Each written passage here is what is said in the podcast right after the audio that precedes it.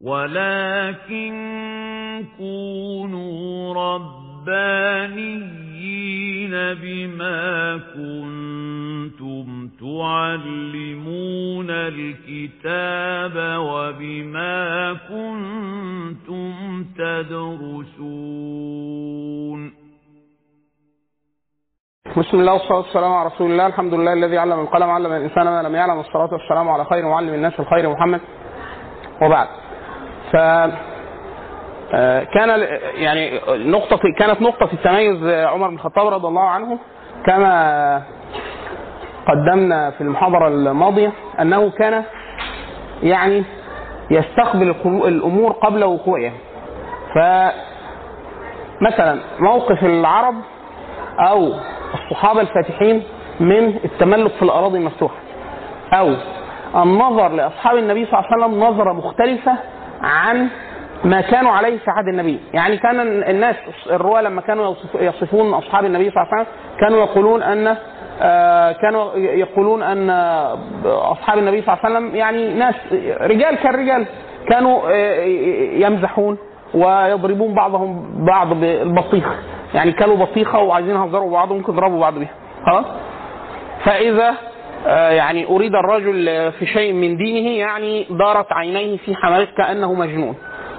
أول ما يجي الموضوع عند الدين لكن في أمورهم العادية في المزاح وكذا وكانوا يتناشدون الشعر آه، وأمورهم في الجاهلية بعد صلاة الفجر والنبي صلى الله عليه وسلم يسمع ويتبسم.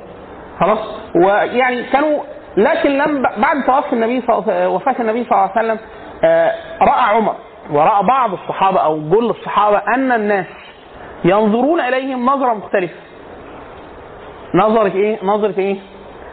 انهم حملة الدين إحنا قلنا في أول حاجة خالص أن الصحابة فيهم جزء في مجموعهم كده أنه من فاته رؤية النبي صلى الله عليه وسلم يرى النبي صلى الله عليه وسلم في مجموع الصحابه فالحفاظ على وجود هذه السمة دي كانت وظيفة عمر بن الخطاب فعمر بن الخطاب تقريبا حافظ على أكبر عدد من الصحابة داخل ال- المدينة.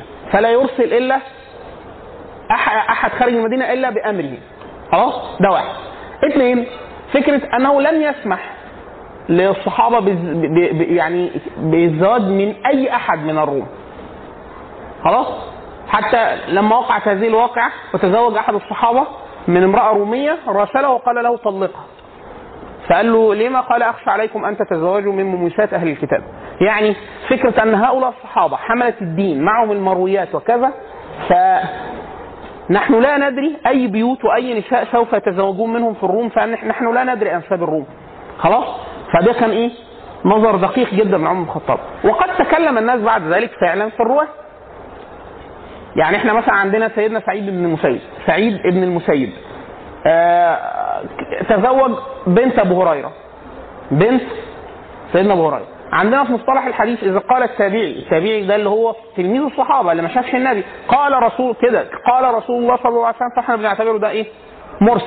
حديث مرسل. حديث مرسل يعني إيه؟ التابعي أسقط الصحابي الواسطة آه، آه، لرؤية النبي. هو إزاي بيقول قال النبي صلى الله عليه وسلم؟ عند سعيد بن المسيب واحد زي الإمام الشافعي رضي الله عنه يقول مثلا إيه يعني نظرت في مراسيل سعيد فوجدتها أصح المراسيل كلها صحيحة. يعني إيه كلها صحيحة؟ يعني فتش وراه من غير طريق سعيد المسيب وجد أن كل هذه المرويات التي يرسلها سعيد موصولة عند غيره.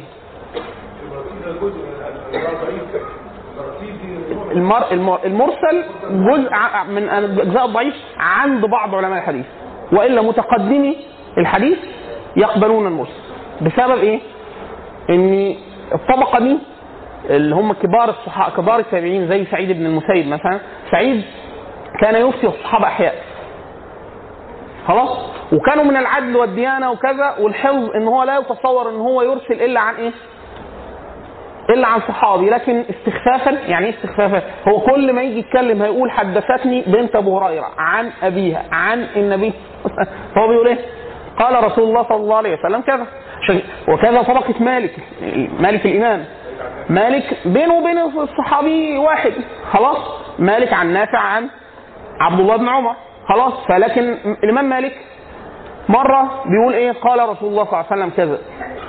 فالإمام الشعبي وهو ده من أمير المؤمنين في الحديث من راجل من الطبقه الثقيله في الحديث. فقال له وكان مالك من الهيبة أنه كان لا يسأل. يعني يعني هو بيتكلم محدش يقدر إيه؟ يقول له طب دليلك إيه؟ طب أنت جبت الكلام من ليه من الهيبة والديانة وكذا. فالشعبي يعني كبير وهو بيسأل عن أمر من الديانة فقال له يعني يعني أعزكم الله عمن أخذتم. يعني أنت بتقول كده فمين ال... فالإمام مالك بص له كده قال له يعني لم أجالس سفيها قط. يعني أنا إذا حدثت فلا بد أن أحدث عن ثقة. يعني هو عايز مالك يقول له إيه؟ إن أنا عشان كده الحافظ ابن عبد البر حافظ المغرب وهو من أجل المهتمين بكتاب الموطأ والموطأ من أجل كتب الإسلام على الإطلاق. حتى قبل وضع البخاري ومسلم كان الشافعي يقول أن الموطأ هو اصح كتاب بعد كتاب الله موطأ مالك خلاص؟ فابن عبد البر في الاستذكار في الاستذكار والتمهيد لما آه، حتى الأحاديث اللي هو الإمام مالك يعني لا يقول الواسطة اللي تتبعها برضه لا موصولة وصحيحة. الشاهد في إيه؟ ان في طبقة كانت يعني إيه؟ آه ترسل عن عن عن ثقة وكذا. نرجع للنقطة ال- ال- الأصلية إن هو إن الصحابة الصحابة الحفاظ عليهم في مكان واحد وحفاظ الحفاظ على إجماعهم في مكان واحد إجماعهم يعني إحنا معظم المسائل الفقهية اللي بتيجي عن عمر بنبقى مطمنين يعني ما دام عمر رأى الرأي ده ففي الغالب بنميل ليه في الفقه ليه؟ لأن عمر كان لا يصدر إلا عن إجماع الصحابة. يعني كان يقول لك كان كثير من ال- التابعين يقولوا يعني تعرض تعرض على أحدكم المسألة آه، يقول فيها برأيه في المجلس كان إذا عرضت على عمر جمع لها أهل بدر. فعمر وكانه كان عامل مجمع فقهي كده. بحيث لما يجي حد يقول لك أصل عمر عمل كذا لا مش عمر اللي عمل كده. عشان كده حتى في بعض الناس المدققة في فقه عمر عمر بن الخطاب كان أحيانا يتقال له يتسأل في مسألة في الفقه. أو يتقال قدامه حديث يقول له النبي قال ده؟ فيقولوا له آه قال قال ده. يقول له أنت سمعته؟ آه يقول له لا هات لي حد تاني سمع فإيه؟ يجيبوا له واحد تاني واثنين فيقول آه أنا بستوثق بس. وكأنه عايز يعظم هذا الأمر على الناس في الأخذ عن النبي صلى الله عليه وسلم. اثنين لما يجي واحد يقول لك اصل فلان اللي رأى ده, ده يبدو إنه كان مشاع في الصحابة واحد واثنين وثلاثة وأربعة يعرفوه. وده. الواقع الشهير لعمر بن الخطاب مع سيدنا عبد الله بن عباس. سيدنا عبد الله بن عباس كان من صغار الصحابة في السن. فقال له إيه؟ قال له تعالى لي بعد العصر. جه البيت بعد العصر. فسيدنا عبد الله بن عباس راح له بعد العصر. خبط عليه ما ردش. خبط عليه ما ردش. خبط عليه ما ردش. راح ماشي سيدنا عمر كان نايم صحي. قال لهم عبد الله بن عباس ما جاش. قالوا لا. راح باعت حد قال له هات لي عبد الله بن عباس. جه. قال له مش قايل لك تجي لي بعد العصر؟ آه، قال له عبد الله أمير المؤمنين قد أتيتك. فيعني استأذنت ثلاث مرات. كما أخبر النبي صلى الله عليه وسلم فلم فلم تأذن لي فانصرفت. فراح عمر مسكه قال له تجيب لي وحد قال إن النبي قال الاستئذان ثلاثة. مين اللي قال لك كده؟ قال والله النبي قال كده. قال له تجيب لي هات لي واحد تاني. مين اللي قال لك كده؟ الله بس بيقول أنا دم هرب عمر ماسكه. وبيقول له أنا مش هسيبك وافعل وافعل.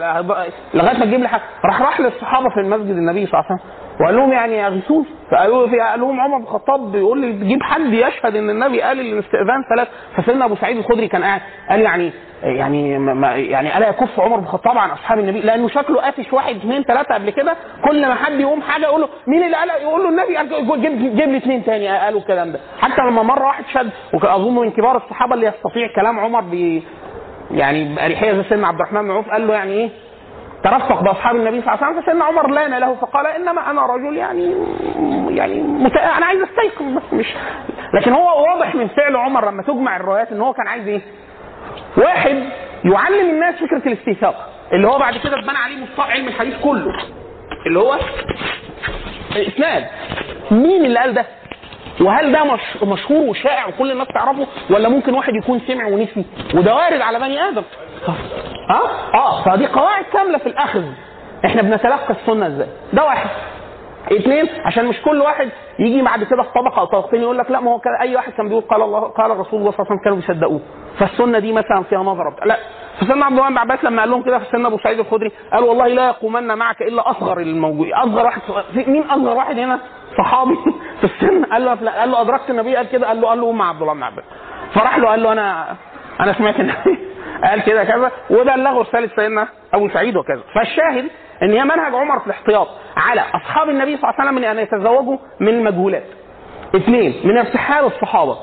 استجماعهم ووجود العلم وكذا فيهم. فيهم. عشان كده إحنا لما بنيجي نت... هنتكلم دلوقتي عن مسألة جمع القرآن في عهد عثمان بن عفان أو كتابته في المصحف هو جمع في عهد أبو بكر وما زال على ال- ال- الأمر على ما هو عليه في عهد عمر. ثم كتبت في المصاحف وأرسلت للأمصار. فلما يجي واحد يقول لك إيه؟ طب وش عرفكم إن القرآن ما كانش في حاجة مش موجودة؟ فإحنا نقول ما هو عمر احتاط لهذا. يعني إيه؟ كل أصحاب النبي صلى الله عليه وسلم لم يغادروا هذه البقعه حتى جمع القرآن جمع القرآن في خلافه أبو بكر وعمر. تمام؟ يقول لك ما واحد كان معاه خمس آيات وكان مسافر. لا. ليه؟ عشان المجمع الفقهي اللي كان عامله مين؟ سيدنا عمر الخطاب. عشان كده لما جمع في عهد سيدنا عثمان بن عفان وهنيجي فلما بعض الناس أخذوا على عثمان فكرة المصاحف وكذا فكان الرد جزء من الردود إن هو إيه؟ على مرأى ومسمع من أصحاب النبي صلى الله عليه وسلم. يعني هو مش عثمان هو الصحابة. فهتشكك في الصحابة كلهم خلاص شكك في الصحابة كلهم والإسلام واطلع بره الإسلام. سهلة. الموضوع إيه؟ سهل. كما أخبرنا في أول محاضرة أن الصحابة الإسلام البيت والباب الصحابة. فمن أراد الإسلام قصد الباب. البيت الإسلام. والباب الصحابة. فمن أراد الإسلام قصد الباب. واحد رايح للبيت ده هيروح يديله من الباب. إما بالمدح أو بالذم يعني لو واحد قال إن هذا الدين هذا الدين له يعني كيف توصل ناس من بني آدم أن هو يبلغوا هذه الرسالة بهذه الدقة وكأنك ترى النبي صلى الله عليه وسلم في كل عصر؟ والرسالة تامة والقراءات والنحو كل حاجة تدخلك على هذا النص فتفهمه كما فهمه كما فهمته الطبقة الأولى فنقول لا هذه الطبقة يعني يعني دول من أولياء الله الصالحين والعكس بالعكس فتقولوا أنا مش عرفني ممكن يكون اتضحك علينا والناس دول تواطؤوا على الكذب وكذا نجيب لهم كلام مين؟ سيدنا أبو زرع الرازي من أئمة الحديث فيقول إيه؟ هم أرادوا أن يجرحوا شهودنا اللي هم الصحابة اللي هم شهدوا التنزيل وشهدوا كتابة المصحف وشهدوا السنة ونقلوا الإسلام فهم أرادوا أن يجرحوا شهودنا وهم بالجرح أولى وهم زنادقة فمن طعن في مجمل أصحاب النبي صلى الله عليه وسلم يعني خرج من هذا بهذا من الإسلام في المجمل يعني لو قال كلهم تواطؤوا على الكذب ده يكفر ليه؟ لأن هو مش فكرة إن هو شوية أشخاص مش عاجبينه لا ده هو بي- بيحكم على إيه؟ على مجموع النقل اللي نقل الديانة. يعني المصحف ده هم تمالؤوا على الكذب المصحف ده هو تمالؤوا على تغيير ما نزل به النبي صلى الله عليه وسلم المصحف وهكذا. فإحنا بنقول إيه؟ أن باب الدخول على الإسلام هم أصحاب النبي صلى الله عليه وسلم. طيب. إحنا قلنا برضو مواقف عمر بن الخطاب في التدبيرات الاقتصادية. لم تدع لأحد برضه حجة إن هو فكرة إيه؟ عدم الاستئثار بالمال، يعني تحت إيده مال ضخم جدا المال ده بيوزع بيوزع بالسوية. خلاص؟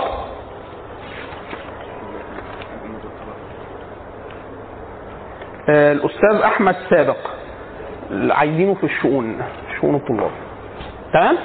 ففكرة ال ال ال إحنا قلنا مش أنا بذكر لو كنت قلته نذكر بيه برضه. فكرة إن هو إيه؟ سيدنا عمر بن الخطاب آه واحد في المدينة. المدينة بيجي لها كل أموال الفتوح. فأنا هشتري ألف آه، حصان ألف آه، فرس في المدينة وأربيهم. وأجيب لهم أكل منين؟ من المدينة. عمر الخطاب قال لك لا. هتربي خيل في المدينة هتجيب لها علف من بره. ليه؟ آه، آه، أقوات المدينة. هتدي واحد عايز يسكن ويستقر في المدينة لا لا تزاحم أهل المدينة على الأقوات وكذا. خلاص؟ اللي هو إيه؟ فكرة إن لا يؤذى فلان بفلان ولا يؤذى فلان بفلان. وده نظر نظر دقيق جدا من صاحب من سيدنا عمر الخطاب قياسا على أوامر النبي صلى الله عليه وسلم، يعني إحنا مثلا من الأوامر الشرعية اللي عندنا في الفقه إن هو آه، نهى نهى النبي صلى الله عليه وسلم عن تلقي الركبان. يعني إيه؟ إحنا مثلا أهل القاهرة.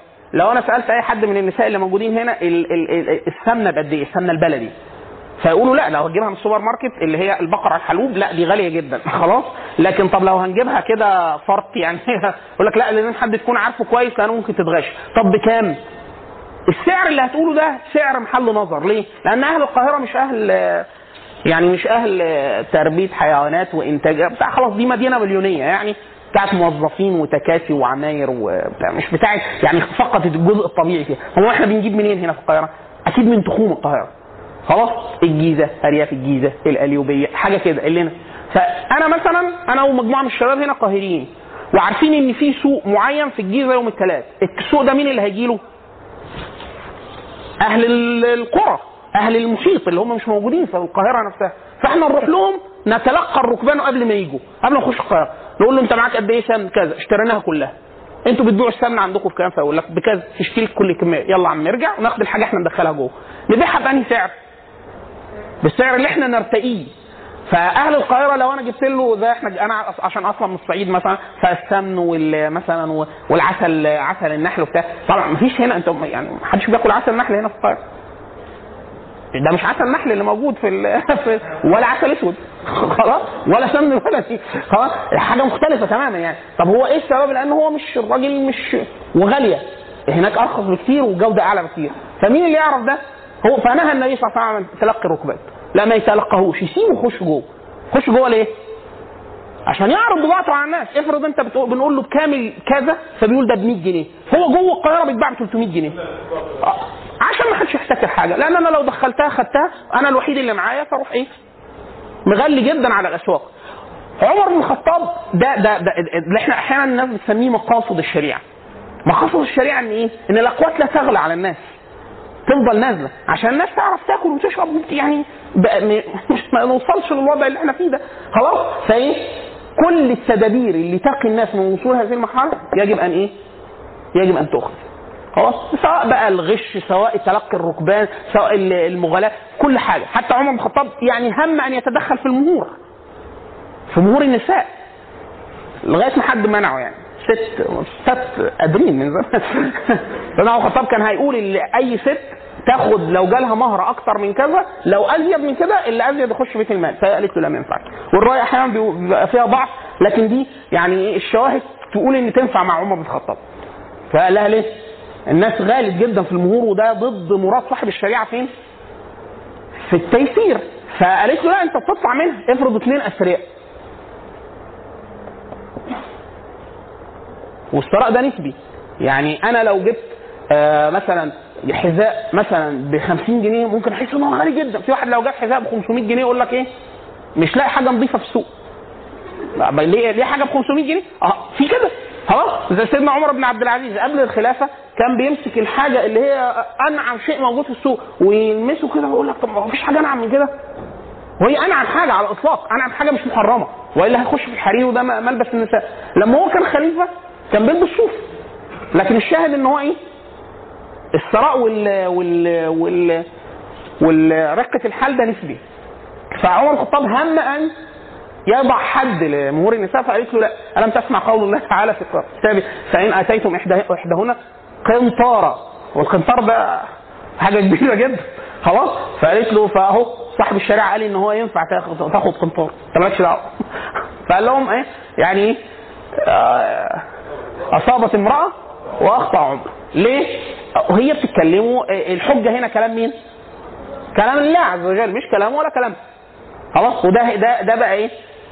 ده ده منهج عمر بن الخطاب اللي لسانه في عشان كده إحنا بنقول إن معظم أقضية عمر الصحيحة اللي أصاب فيها والناس قالت أصاب واللي هو أخطأ فيها وهو قال على نفسه أخطأ والناس بعد كده قالت عمر كان ليه رأيين قال كذا اخطا بيرسم للناس منهج كامل في النظر والاجتهاد والنظر في الأمور الشرعية. طيب ندخل بده على الفارق الك... دايما الناس بتقارن ما بين أي حد جه بعد أبو بكر وعمر وعمر بن الخطاب. عمر بالذات ليه؟ أبو بكر الصديق حكم إيه؟ سنتين وما كانتش لسه الأمور فتحت على الناس. عمر بن الخطاب لا يعني إيه؟ مصر وشمال ليبيا معانا، الشام معانا، جزء من العراق والإيران وكل ده إيه؟ فالأقضية اتسعت جدا.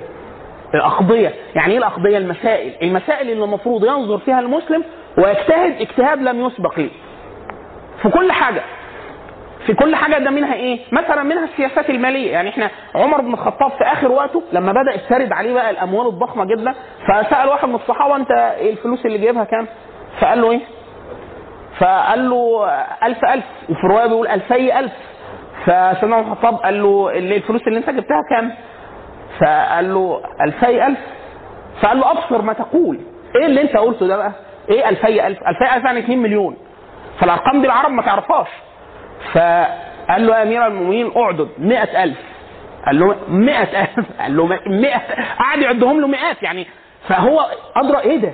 ده مال ضخم جدا. فدي دي مسألة. كيف تقسم هذه الأموال بالسوية؟ خلاص؟ كيف يكسب الناس عن ان هو يغل من هذا المال ولا يسرق ولا كذا؟ لدرجة ان أموال كسرى وشواري كسرى لما ادوهم الناس في الغنائم لعمر الخطاب ف- وكان قاعد جنبه سيدنا علي بن أبي طالب فمسك هو بعود شواري كسرى لبسوا الذهب وبتاع فقال إن الذين أدوا هذا هذا لأمناء. يعني مين اللي هو راجل أعرابي جالس بيحارب في جيش كل الحاجة دي وقعت في إيده وأداها وسلمها من غير ما ياخد منها حاجة. فسيدنا علي بن أبي طالب قال له إيه؟ رأوك؟ عففت؟ فعف ولو رتعت لرفع يعني هو أنت الناس بتبص لك أنت. انت بتاخد حاجة مش من حقك؟ لا. السيده عاتكة زوجة عمر الخطاب لما جاله جزء في في الأموال بيت المال آه، عفر والعطور دي عايزة تقسم. بحيث لو هتدي واحد هتدي له إيه؟ فلازم خلاص. فقال للسيدة عاتكة تعرفي توزني؟ قالت له آه أعرف أوزن. قال لها خلو آدي الكمية كلها أوزنيها انت شوفي مين يساعدك من الستات توزني فالسيده عاتكة حد بي أنت بتشوف أي حد شغال في العطور؟ بعد ما بيملى الازازه بتاع بيخر لك شوية عليه وهو عليه وبتاع. شغال في شغلانة كلها ريحة جميلة يعني. خلاص؟ فسيدنا عمر الخطاب أول ما في آخر اليوم رجع ليه البيت ريحته حلوة وهي نفسها ريحتها حلوة فبقول لها أنت جبت الريحة؟ بس ما جبتش. قال لهم اللي ريحتك دي قالت إحنا وإحنا شغالين. إيدينا بيبقى عليها. فيعني طلع عينيها على شوية الريحة اللي عليها. تاني يوم جايين الستات هيوزنوا معاهم فكل ما توزن حاجة تحك ايدها وفي التراب وبتاع و... قالوا لها إيه أنت اتجننتي وبتاع؟ قالت لهم لا ده عمر امبارح بهدلني على شوية الإيه؟ هو إيه؟ لما الناس شايفة عمر الخطاب بيتحرص في إيه؟ في ده هو هيتحرك هو هيبقى شايف إيه؟ يقول لك أمير المؤمنين وهو معاك تحت إيده كل المال بيتحرص من ده. عشان كده لما يجي عمر بن عبد العزيز فين بعد وبين عمر بن الخطاب كام ست ولا سبع ولاة ولا ملوك؟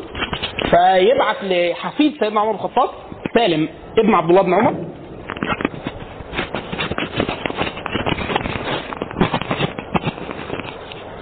فيقول له آه، أرسل لي بأقضية عمر فإني عزمت أن أسير في الناس بسيرة عمر. فسيدنا سالم هيقول له والله يعني جزاك الله خيرا على هذه النية. وبتاع لكن ليس لك رجال عمر. عمر كان بيحكم مش طب عمر قال اعدلوا. مين اللي هيحسن بالسوية وفين القاضي وفين المجاهد؟ فقال له عمر ده ما كانش عمر. ده كان مين؟ رجال عمر. فأنت ليس لك رجال عمر. لكن النية دي حسنة. يعني أنت اجتهد. لكن هتلاقي منين الناس زي عمر؟ عمر كانوا ولاته هم الصحابة. فسيدنا عمر بن عبد العزيز مما شوهد له في خلافته إن هو كان قاعد وأموال البيت المال بتقسم قدامه كانه بيعمل جرد يعني. فعدى عطر عطور. فراح سد كده لغاية ما عدت فقالوا له يعني إيه؟ أرفق بنفسك يا امير المؤمنين. إيه اللي أنت بتعمله؟ فقال يعني إيه؟ وهل ينتفع إلا برائحته يعني ما ربنا هيسألني أقول له أنت مش شميت الريحة دي؟ آه انتفعت. الريحة عجبتك؟ آه يبقى شميتها. ما دام شميتها وخدت حاجة مش بتاعتك. خلاص؟ فده نظر دقيق جدا. جابه منين عمر بن عبد العزيز؟ من عمر بن الخطاب من أقضية عمر بن الخطاب.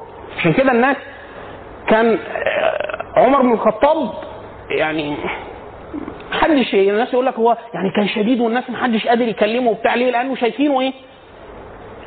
ماشي على الجد على كل شيء يعني هو كان يبقى هيهم إن هو يأمر الناس بأمر يعمل إيه؟ يروح مجامع أهل بيته كلهم يقول لهم اقسم بالله العظيم أنا هأمر الناس بكذا أي واحد من أهل بيتي يتمسك في واحد اثنين ثلاثة أضاعف عليه العقوبة فده إيه؟ ده واحد مش ده بقى اللي يتهم في سياسته كذا فإذا كان أمر أمر الناس بشيء كانت الناس تستجيب لي تمام لأنه شايف إن هو بيطبق الأمر ده على إيه؟ على نفسه وقال بيته أول الناس. طيب. ب مما كان أمر به عمر بن الخطاب الناس ألا يستكثروا من العجم في المدينة. يعني أن تصفوا الجزيره للعرب. هم معدن الإسلام والقرآن نزل بلسانهم وهم شهدوا التنزيل وكذا ولا يختلط على الناس ثقافات وأشياء أخرى. حتى لو مضت عهود بعد ذلك وتعرب الناس ودخلوا في فيما دخل فيه العرب صاروا عربا بعد ذلك. فاذا ارادوا أن يختلطوا اختلطوا. لكن في أول الأمر والفتوح شغالة كان عمر بن الخطاب يأمر الصحابة بالا يستكثروا من العجم كان ممن له عبيد من العجم كثير في المدينة سيدنا العباس عم النبي صلى الله عليه وسلم والمغيرة بن شعبة صاحب النبي صلى الله عليه وسلم. خلاص؟ فكان من غلمان المغيرة بن شعبة أبو العلوة المجوسي وهو قاتل عمر بن الخطاب رضي الله عنه. وهو فارسي ولم يسلم. تمام؟ ف الرجل لأسباب لا يعني ما نقدرش حال- حاليا نجزم بيها. هل لأسباب؟ طبعا سيدنا عمر الخطاب ده اللي- تقريبا هدم ملك فارس بالكلية. خلاص؟ وأذل قوم هذا. يعني كل هؤلاء صاروا تبع للعرب والمسلمين وكذا. فهل ده الدافع بتاعه ولا الدوافع أخرى؟ المهم أنه هذا الرجل في صلاة الفجر وقام بطعن سيدنا عمر بن الخطاب. فلما آه، وطعن كل من استطاع أن يطعنه من المصلين. خلاص فطعن أكثر من 13 واحد تقريبا سبعه ماتوا والباقيين طعنوا يعني جرحوا وكذا لم يموتوا. أحد الصحابة يعني إيه رمى عليه عباءة كده أو رداء. المهم لما استشعر إن هو يعني مقتول ولا أو يعني هيمسكوه فقتل نفسه. تمام؟ فسيدنا عمر بن الخطاب ادرك وهو مطعون قضية الاستخلاف من يخلف بعده من المسلمين؟ ودخل عليه الناس يعني إيه؟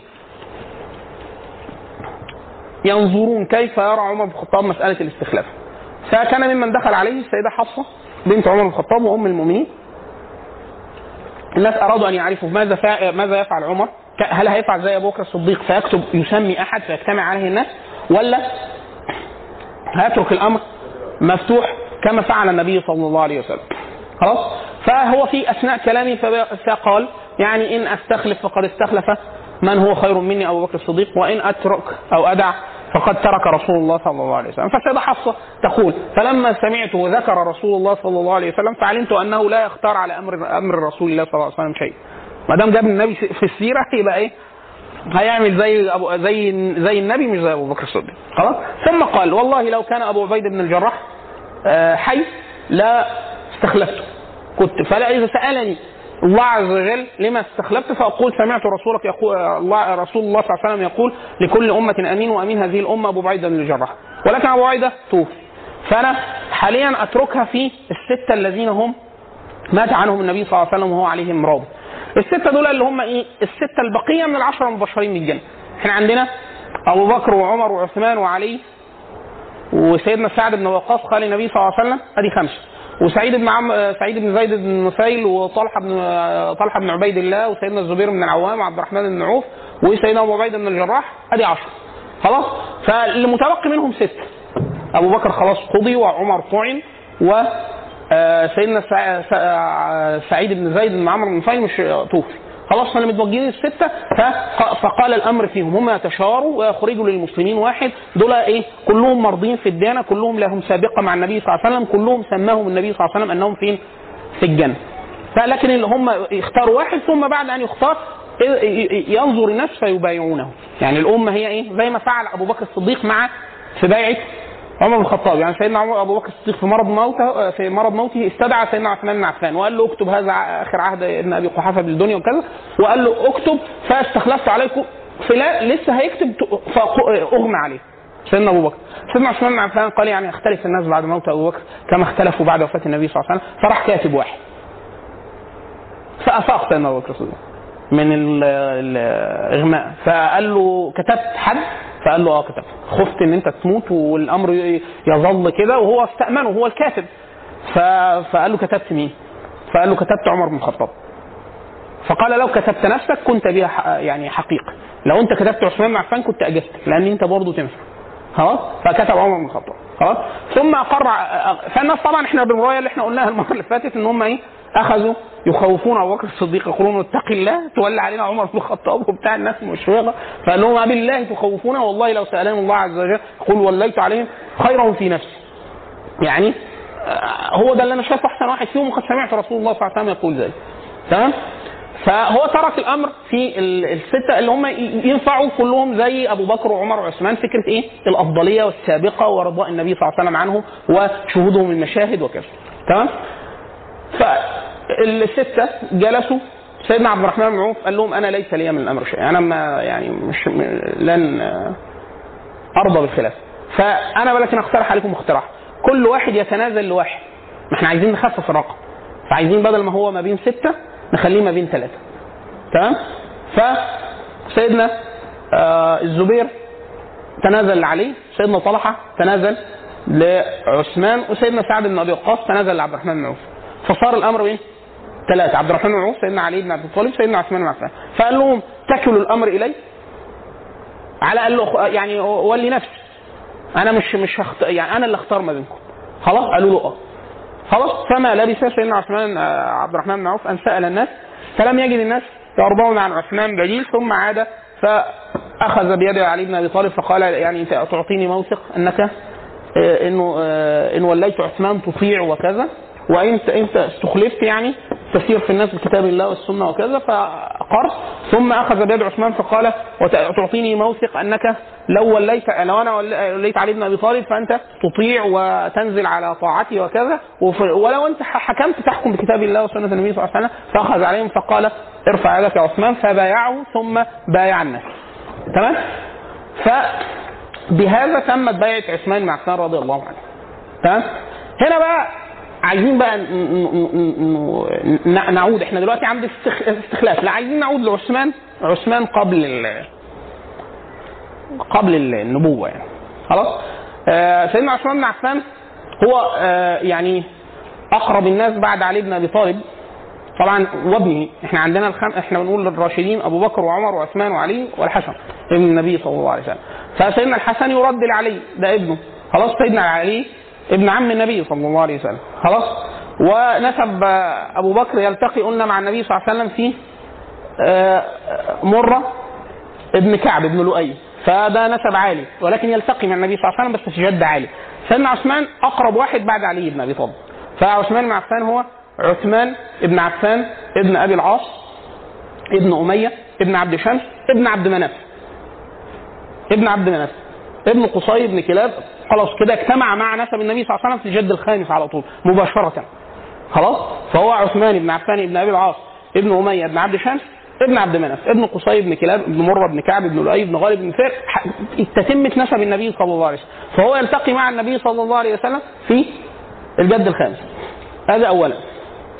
آه، جدة عثمان بن عفان هي عمة النبي صلى الله عليه وسلم. يعني هي أخت عبد الله أبو النبي صلى الله عليه وسلم.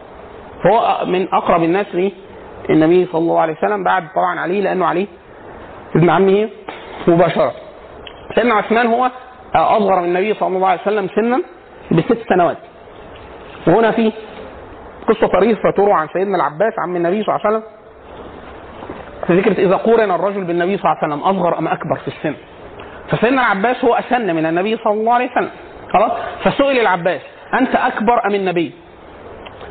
فهو سيدنا العباس استحيا أدبا أن يقول أنه أكبر من النبي صلى الله عليه وسلم. رغم أنه المقصود في السياق بس ال- السن.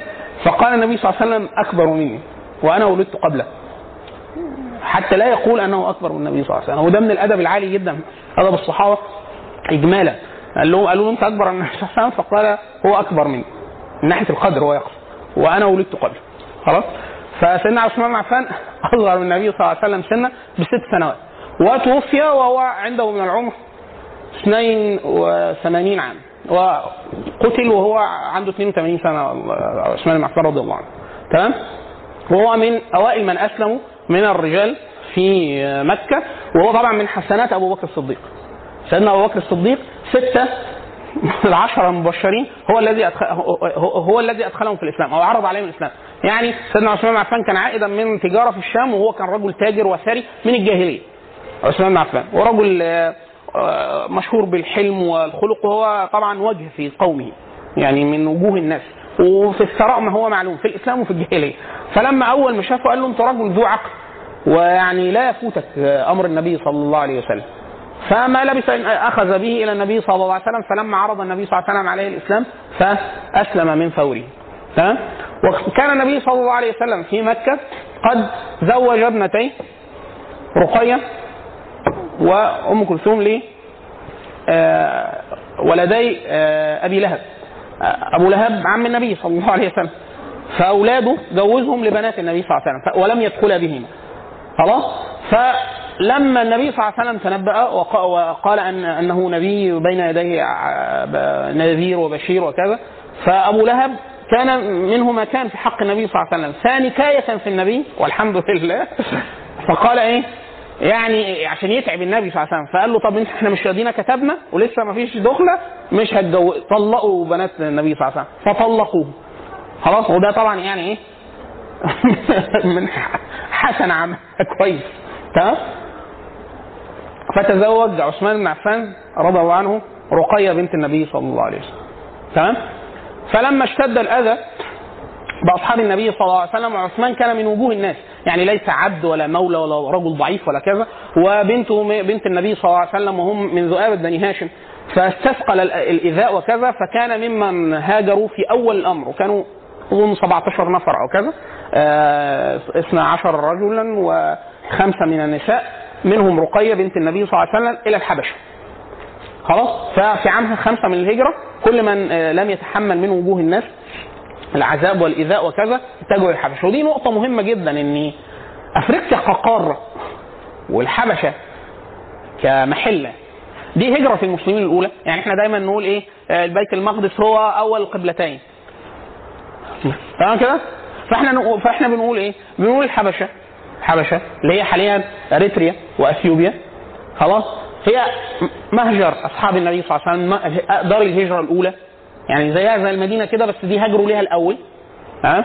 ووطأتها قدم بنت النبي صلى الله عليه وسلم السيده رقية وظلت فيها اعوام قعدت سنتين ثلاثة في في في, في الحبش. خلاص؟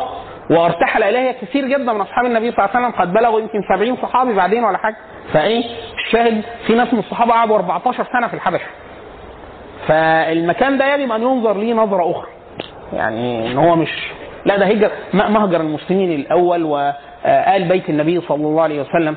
عاش هناك. وولد ابن النبي صلى الله عليه وسلم يعني حفيده سيدنا عبد الله الذي توفي لعثمان هو ابن عثمان بن عفان وابن السيده رقية وولد في الحبش. يعني أو كان معه في في في في, في هجرتهم الأولى. تمام؟ فالشاهد إن هذا المكان يجب أن ينظر إليه نظرة مختلفة. في في السيرة أو في حياة المسلمين المعاصرة يعني تمام؟ ثم لما تسامعت آه،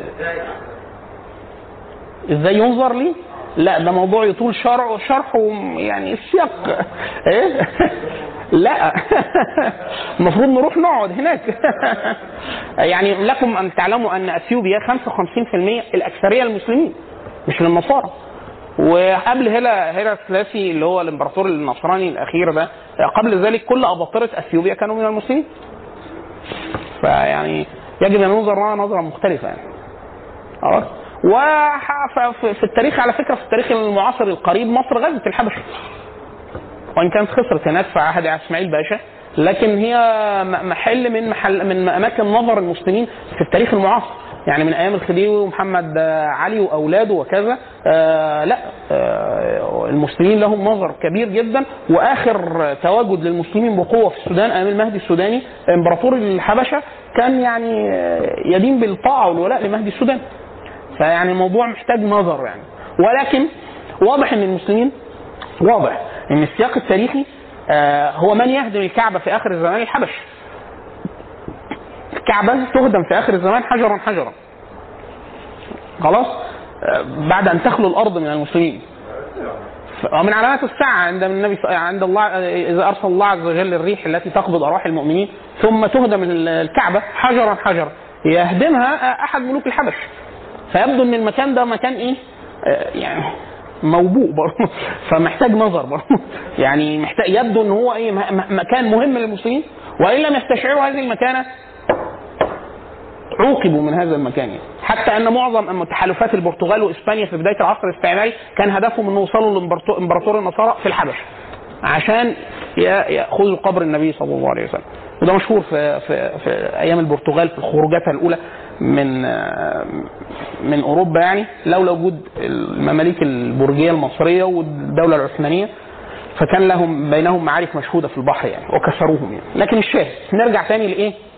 للهجرة الأولى فبعد عودة عثمان بن عفان سيد رقية بنت النبي صلى الله عليه وسلم آه، ثم أذن الله عز وجل لنبيه بالهجرة فكان عثمان بن عفان والسيدة رقية ممن هاجر وتوفي آه، في المدينة أظن آه، عبد الله بن عثمان وكان يكن به في أول الأمر. يعني سيدنا عثمان له كنيتين آه، له كنيتان له آه، آه، أبو عمرو وأبو عبد الله.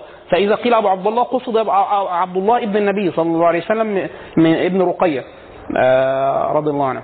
تمام؟ طبعا عثمان بن عفان آه، من من أول نزوله في المدينة إحنا يعني عثمان بن عفان وكأنه إحنا دايما نقول إن من رحمات الله عز وجل في هذه الأمة إن الجنة لها إيه؟ عدة أبواب. فالجنة ليها كام باب؟ ثمانية. فباب للصلاة. فلو واحد مقيم للفرائض آه، يعني قائم على النوافل الراتبه مع قيام الليل مع الصلوات ال- التي أمر النبي صلى الله عليه وسلم محبب فيها فهو إيه؟ بابه يخش منين؟ من الصوم. يا راجل مكثر من الصيام يقوم يصوم رمضان ويحسن الصيام فيه كما أمر الله عز وجل والنوافل وكذا وسنة النبي صلى الله عليه وسلم في الصيام دخل منين؟ من باب الريان باب الصيام. وإن كان رجل مجاهد يعني يجاهد المشركين بالسيف ويجاهد في سبيل الله صلى الله يجاهد في سبيل الله على سنة النبي صلى الله عليه وسلم. وده ضابط مهم جدا. إيه بقى إيه؟ يدخل من باب الجهاد. خلاص؟ وفي باب البر.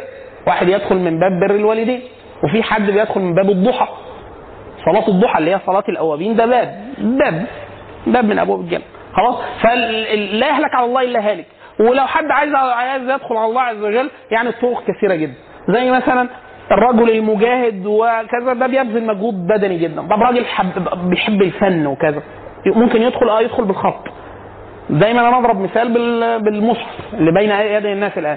عثمان طه الخطاط وعايش ربنا يطول في عمره ويحفظه اللي هو كاتب المصحف الذي بين أيديكم. ده خطه هو. فما من أحد على وجه الأرض يقرأ في كتاب الله عز وجل في النسخة اللي هي نسخة المدينة دي إلا هو إيه؟ في ميزان هذا الرجل، الرجل ده بيعمل إيه في الحياة؟ ده راجل خطاط بيكتب بس. خلاص في ناس زمان النساخين يعني النساء كانوا في, في الأندلس يعني ليهم نظر يعني. معظم المخطوطات اللي وصلت لنا في العلم قراءات نحو أدب أي حاجة في الأندلس في وقت معين كل ده خط النساء. كانت من من أجل مهن النساء. الست عايزة تشتغل. شغلانة. في البيت فتح- ت- تحفظ قدرتها إن هي تربي ولادها وتقعد تعكن على جوزها وبتاع يعني اللي هي الحاجات دي. وفي نفس الوقت تاخد ثواب. تاخد ثواب إيه؟ وثواب ضخم جدا. طب تعملوا إزاي دي؟ كل حاجة إن الرجاله رايحين وعمال يحفظوا احاديث وبتاع ومش عارف إيه. هي إيه؟ كتبت الكتاب واديتهم لهم. خلاص؟ فالخط ده باب من أبواب الجنة. باب من أبواب الجنة. خلاص؟ فدي مهن إيه؟ شكلها يسير. وفي نفس الوقت إيه؟ اجلها عظيم. طبعا بقية الأبواب تزاحم فيها النساء الرجال. مثلا القرآن وكتب العلم من أجل الأسانيد السنة وكذا من مرويات النساء. يعني الإمام الذهبي لما في سبت مروياته معظم شيوخه نساء. ومعلوم عند أهل الحديث أنه لم تتهم امرأة قط في الإسلام. يعني معظم كتب الرجال ما في وضاعين غير ثقات وكذا. كل رو- رواه الحديث من النساء ثقات. لم لم يطعن.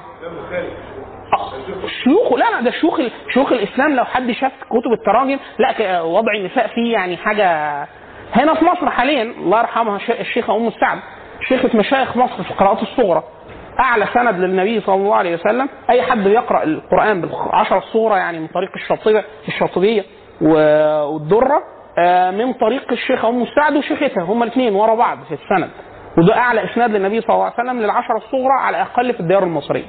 فالقصد إن هو إيه؟ يعني الباب يعني يزاحم فيه. فشا نرجع تاني. إنه عثمان عفان مثلا الباب بتاعه باب حياء وخلق. هنشوفه إزاي؟ وباب مال. يعني واحد يقول لك أنا راجل بحب البيزنس والتجارة وكذا. خلاص ده ممكن أدخل بيه الجنة وممكن تدخل بيه الجنة زي الفل. خلاص؟ يعني أنا مش هعمل حاجات كتير بس أنا إيه؟ هأنفق على المسلمين. آه. سيدنا عثمان بن عفان النبي صلى الله عليه وسلم في دور كان عايز يشتريها في المدينة وضمها للمسجد فقال من اشتري هذه الدور ويغفر الله له فاشتراها. أول ما دخلوا المدينة فالنبي صلى الله عليه وسلم وجد أن البئر الذي يشرب منه الناس في المدينة آه، بئر مملوك لواحد يهودي. فالراجل ده يهودي. خلاص فكان إيه؟ الماء الماء بيبيع المية. والميه غالية والمسلمين كثروا وأصحاب الهجرة وكذا. فالنبي صلى الله عليه وسلم قال من يشتري بئر روما وله الجنة. بس يكون له سهم كبقية المسلمين. يعني مش يملكها يتركها للمسلمين. يعني يشتريها ويتركها للمسلمين. فاشتراها عثمان بن عفان. هو الأول عرضها عرض شراء على الراجل فالراجل يهودي. قال له إيه؟ قال له لا. تشتري تشتريها يوم ولا يوم. يعني اشتراها مناصفة النهارده بتاعت عثمان بكرة بتاعت إيه؟ اليهودي وهكذا. والراجل يعني برضه اليهودي. سيدنا عثمان عفان افسد عليه بيعة. عمل له إيه؟ اليوم بتاع عثمان عفان يقول لهم تملوا طقطقين. تشربوا النهارده وتخزنوا بكرة. فمحدش هيشتري منه إيه؟ من اليهودي بكرة. فجاله قال له آه، اشتريها. قال له لا آه، نزل انزل بالثمن خلاص ما خلاص فاشتراها ثم تركها للمسلمين في المدينة. تمام؟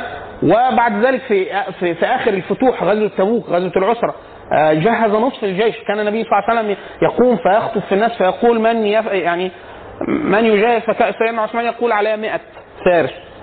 آه، أكلهم وشربهم وسلاحهم وخيلهم وكذا. ثم يقوم فيرغب النبي صلى الله عليه وسلم في الجهاد وفي النفقه فيقوم عثمان فيقول عليه 100 فارس. ثم يقوم النبي صلى الله عليه وسلم فيرغب فيقوم عثمان حتى أن النبي صلى الله عليه وسلم نزل من عن بما فقال اللهم ارضى عن عثمان فإني عنه راضي. ولما أتاه بعد ذلك بمال من ذهب وفضة قال اللهم يعني إيه؟ ما ما ضر عثمان ما فعل بعد اليوم. بالمال. بماله فقط. فهو حتى حتى لما حوصر رضي الله عنه فمنعوه من الماء في المدينة. والماء في المدينة هو بئر روما. فقال لهم هل من أحد يشهد أن النبي صلى الله عليه وسلم قال من يشتري بئر روما؟ وله الجنة؟ فشهد له الناس أنه قد اشتراها وقد منعوه منها في آخر حياته. تمام؟ الشاهد فإن هو فكرة إن الأبواب على الله عز وجل من شاء أن يدخلها بالعلم دخلها ومن شاء أن يدخلها بالمال دخلها ومن شاء أن يدخلها ببر الوالدين دخلها ومن شاء أن يدخلها بكف اذاها عن المسلمين دخلها. حديث النبي صلى الله عليه وسلم الرجل اللي أتى النبي صلى الله عليه وسلم قال يا رسول الله يعني يعني قول لي حاجة أدخل بها الجنة. فقال له الرجل يعني إيه؟ ينفق ينفق من المال وكذا. لأن الإنسان أشح حاجة عن- عنده إيه؟ موضوع الفلوس ده. فقال له ينفق فقال له طب اللي أنا بسألك عليه ده فقير معهوش مال. فالنبي صلى الله عليه وسلم قال له أمر بالمعروف وينهى عن المنكر فقال له لا يقدر. فالنبي صلى الله عليه وسلم قال له يعين الأخرق والسفيه الناس الناس في أحد ما يقدرش يعمل حاجة وبتاع تساعد أي واحد يعني يستوجب المساعدة. فقال له ما يقدرش. فالنبي صلى الله عليه وسلم ابتسم وقال له إيه؟ آه، أرا- اراك لا تترك لصاحبك شيئا من الخير. يعني انت ده ما بيعرفش يعمل حاجة خالص. يعني هو بيقول له ي- يصرف. قال له ما, يقدرش. أمر معروف. ما, يعم- ما, ما يعملش.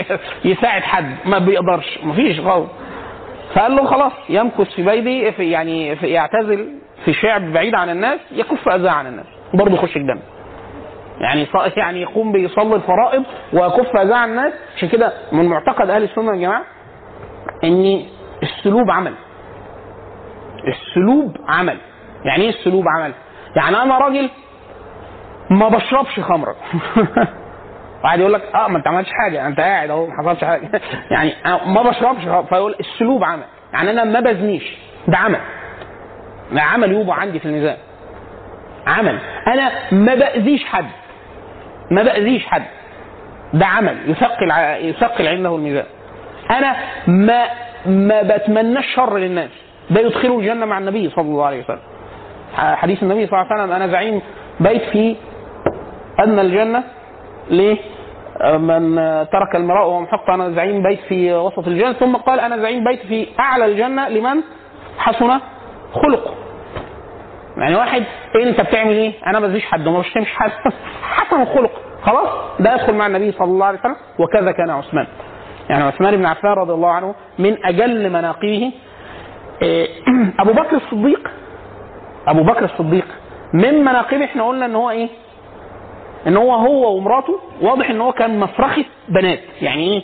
بيربي بنات تربية فوق الرائع ليه؟ واحدة من بناته اتجوزها نبي سيدنا عائشة خلاص واحدة من بناته اتجوزها مين؟ سيدنا الزبير العشرة المبشرين بالجنة واحدة من بناته سيدة أم كلثوم تزوجها طلحة بن عبيد الله من العشرة المبشرين بالجنة فده واحد إنه مركز. مركز في إيه؟ أنا ما مش قال يا نبي يا عشرة مبشرين أنا ما ما اتجوزت أقل من كده. فواضح إن هو مركز. عشان كده النبي صلى الله عليه وسلم مثلا تربية البنات في واحد يقول لك أنا يعني مش لازم أجاهد وأبقى سوبرمان ومش لازم. معاك بنت واحدة؟ حديث النبي صلى الله عليه وسلم إن هو لو واحد معاه تحته ثلاث بنات أحسن تربيتهم وأدبهم تربيتهم وأدبهم بس. فإيه؟ فده يدخل الجنة. فقالوا يا رسول الله واثنتان قال واثنتان فالراوي يقول فأظن لو قلنا له واحدة لقال واحدة. ففكرة إن أنت تربي بنت ده حاجة حاجة عظيمة جدا. بس تعرف تربيها. طلع آه طلع لنا حد متربي كويس جدا. فسيدنا أبو بكر يبدو إن هو كان مركز في ده. بنت نبي. خلاص؟ 10 مب... في حد 10 مبشرين موجود؟ أنا أتجوز 10 مبشرين. فده ده حاجة حاجة مش مش هينة. حاجة مش مش هينة. خلاص؟ طيب. آه نقلب الموضوع. نقلب الموضوع. النبي صلى الله عليه وسلم عايز يجوز بناته لحد. خلاص؟ فيختار مين؟ ده سؤال. ده سؤال مهم جدا. خلاص؟ سيدة فاطمة دي سيدة نساء أهل نساء, العالمين. هي والسيدة خديجة السيدة آسيا.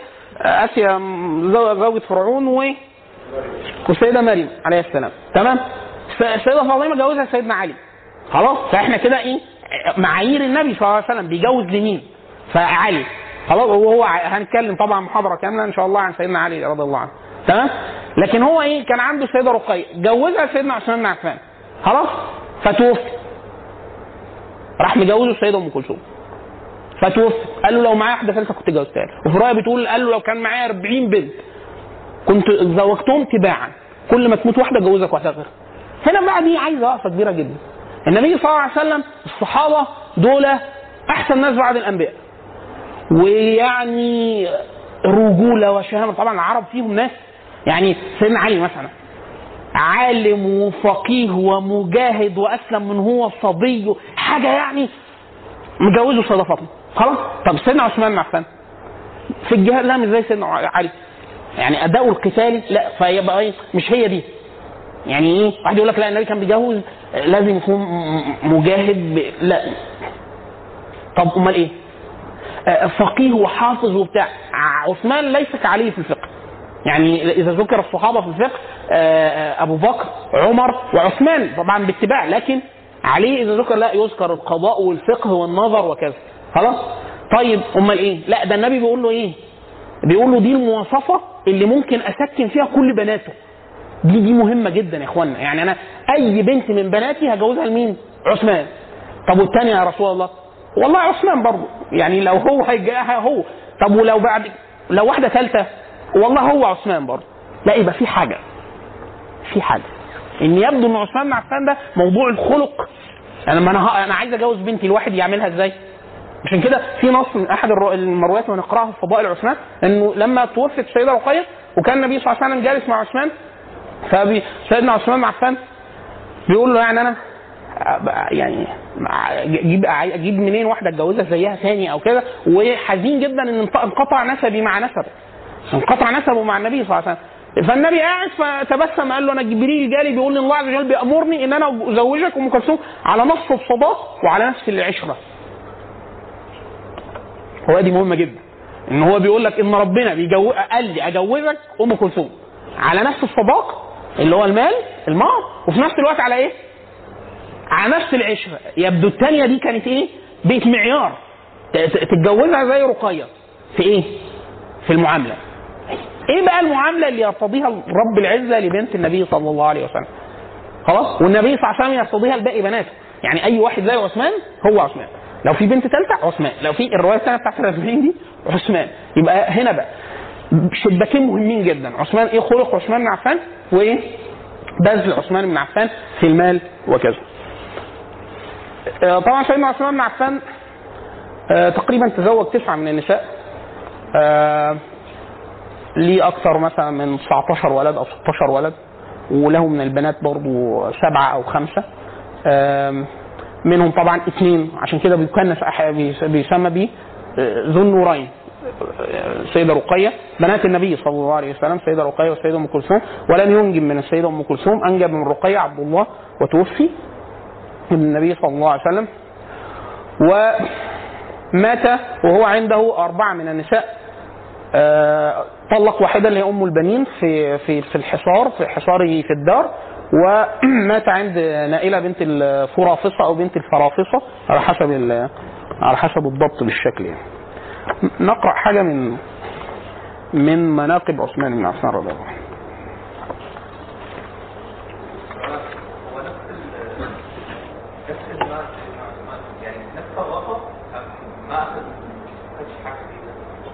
إيه إيه؟ على نفس الصداق وعلى نفس ال... نفس الرقم مفهومة. آه آه اداها مهر زي مهر الرقية. أيوه المرأة تزوج بمهر. أمال إيه؟ ده حتى سيدنا عثمان عثمان عثمان مختلف عن سيدنا علي يعني سيدنا علي كان رقيق الحال. سيدنا عثمان لا كان ملياردير.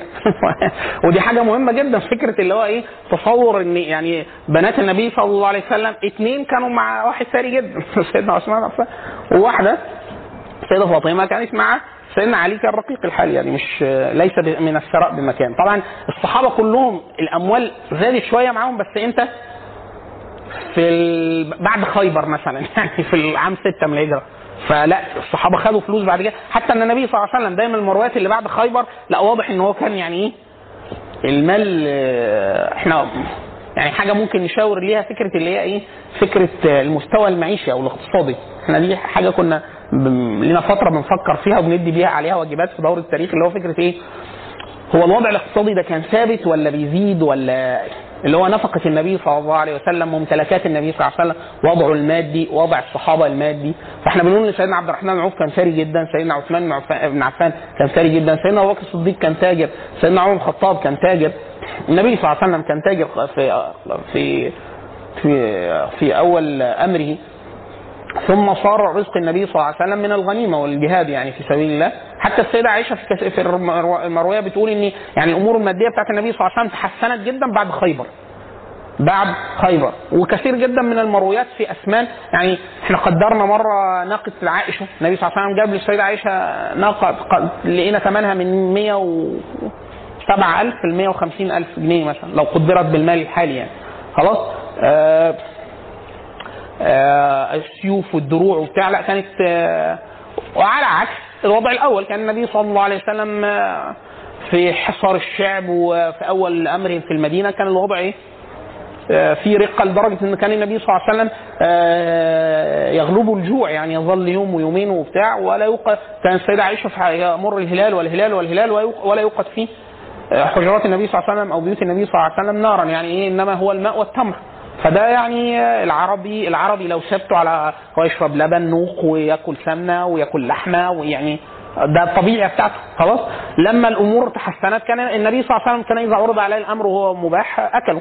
فالنبي صلى الله عليه وسلم أكل فراخ وأكل لحمة وأكل سمن وأكل عيش وأكل تمر جيد وأكل تمر رديء. وكان النبي صلى الله عليه وسلم لا يرد شيئا من الطعام. إن أحبه أكل منه وإن لم يحبه تركه ولم يعد طع- طعاما قط. صلى الله عليه وسلم. كان النبي صلى الله عليه وسلم إذا أصبح فسأل عن الطعام فإن وجد شيء يعني يفطر به أكل فإن لم يجد نوى الصيام وأتم اليوم. فالقصد إن في دي حالة مر بها النبي صلى الله عليه وسلم. وفي النبي صلى الله عليه وسلم مر بحالة اللي هو بعد الفتوح والغزوات والسرايا كذا لما كان حديث جابر لما كان راجع معاه والناقة بتاعت سيدنا جابر بن عبد الله بطيئة وضعيفة فالنبي صلى الله عليه وسلم له اشت- بعهاني فقال له بس دي ضعيفة وقال له أنا هشتري فقال له ألف. قال له لا أكتر. فالنبي يقول يعني النبي اللي هيشتري المفروض يقلل. فيقول له لا زود شوية. فيزود تاني. فيقول له لا زود شوية. فلما قال له خلاص اشتريتها فقال له بس بشرط إن أنت تسيبهاني اركبها لغاية ما اخش المدينة يعني ما تنزلنيش. فالنبي قال له ماشي تدخل بيها المدينة. فلما دخل فلما وصل النبي صلى الله عليه وسلم بعت له الناقة. فسيدنا النبي صلى الله عليه وسلم بعت له الفلوس وبعت له الناقة. فالناقة دي تقديرا اللي اشتراها النبي ب 100000 جنيه مثلا ولا حاجة. فحاجة ده رقم ضخم. فهو لما النبي يهادي ب 100000 معناه إن هو كان إيه؟ إن هو كان معاه مال تاني. آه، مرويات آه، بيوت النبي صلى الله عليه وسلم. النبي صلى الله عليه وسلم لغاية عام خمسة أو ستة كان اجتمع عنده أكثر من ست أو سبع نساء. فكان النبي صلى الله عليه وسلم نفقة البيت الواحد كان يترك للمرأة الواحدة قوت العام. يعني أنا متجوز يبقى قوت أقدر أنا مصاريفي كام في السنة؟ وكان النبي صلى الله عليه وسلم يقدر لهم قوت عام. كل واحدة معاها قوت عام من الطعام. اللي هو زمان اللي هو بيسموه يعني إيه آه، اللي هو خزين البيت. فاللي هو إيه تمني مش عارف النبي صلى الله عليه وسلم كان يترك للمرأة الواحدة من زوجاته 100 وسق 80 وسق تم آه، بر اللي هو الحبوب يعني و120 وسق تمر. فدور لما يتحسبوا بالفلوس لا يطلع برضه ده تسع بيوت كده ولا ثمان بيوت كده. ده غير النوق ده غير لو في عبيد لو غير سلاح أو سيوف أو دروع وكذا ودي كانت حاجات مكلفه في الوقت ده يعني. فهي الفكرة إن هي مسألة إيه؟ مسألة نسبية. عشان كده إحنا دايما معظم التعريف بتاع الزهد إن هو الزهد في المال عمل قلبي مش في الامتلاك. يعني حديث آه، سؤال سؤالات الإمام أحمد بن حنبل لما قالوا له الرجل معه ألف دينار ويكون زاهد ألف دينار ده رقم ضخم جدا. يعني قدرته الشرائية عالية جدا. الدينار أربعة وربع جرام ذهب. ف يعني كم؟ كم؟ 450 جرام ذهب ولا إيه؟ 4 كيلو؟ شوف انت بقى يعني ده هيطلع كام؟ فالامام بيقولوا يكون معه 1000 دينار ويكون زاد قال نعم إن لم يسر زيادتها ولم يحزنه نقصها. يعني إيه؟ زادت قال سيدنا عبد الرحمن بن عوف ثاني من اسلم من الرجال ورجل من اثنين فقط اموا النبي صلى الله عليه وسلم هو وابو بكر صلوا بالنبي إيه؟ يعني هو إمام النبي مأموم وراه وعبد الرحمن بن عوف لما سلم الستة في الاستخلاف الذي لم يكلم وكل الناس سلمته الأمر وكذا هو عبد الرحمن وكان من اسرى الصحابة. خلاص؟ حتى لما مات ترك لكل واحدة من أمهات المؤمنين اللي عايشين أربعين ألف درهم أو حاجة رقم مماثل و قسمت ترك تركته من الذهب بالفؤوس بين زوجاته وأبنائه. يعني إيه؟ واحد يطلع فوق تم كيل الذهب بفأس يعمل كده عشان يقول ده الواحده الأولانية من ثرائه. أيوه بالظبط من ثرائه وكان عبد الرحمن بن عوف رضي الله عنه إذا رؤي وسط عبيده لا يعرف. لا يعرف من وسط عبيده. يعني واحد دخل بص كده ما يعرفش مين العبيد ومين عبد الرحمن بن عوف. من إيه؟ من الشكل والملبس وبتاع. فهو لابس إيه؟ زيهم. يعني ما أمال الفلوس دي كلها في في أموال المسلمين. في النفقة في النفقة. عشان كده ممكن واحد يبقى ثري ويبقى حاجة كويسة. آه يعني النبي صلى الله عليه وسلم لما قبض المال بعد الغزاوة والثروات والسرايا كذا فكان النبي صلى الله عليه وسلم تحت يده مال ولكن كان يضعه في مرضاة الله عز وجل. هو حديث النبي صلى الله عليه وسلم الحديث المشهور إن هو معنى الحديث إن الدنيا كلها أربع أنماط بشرية في التعامل مع المال. حديث ال- ال- الدنيا أربعة نفر. فرجل أتاه الله علم وأتاه إلى الله إيه؟ مال.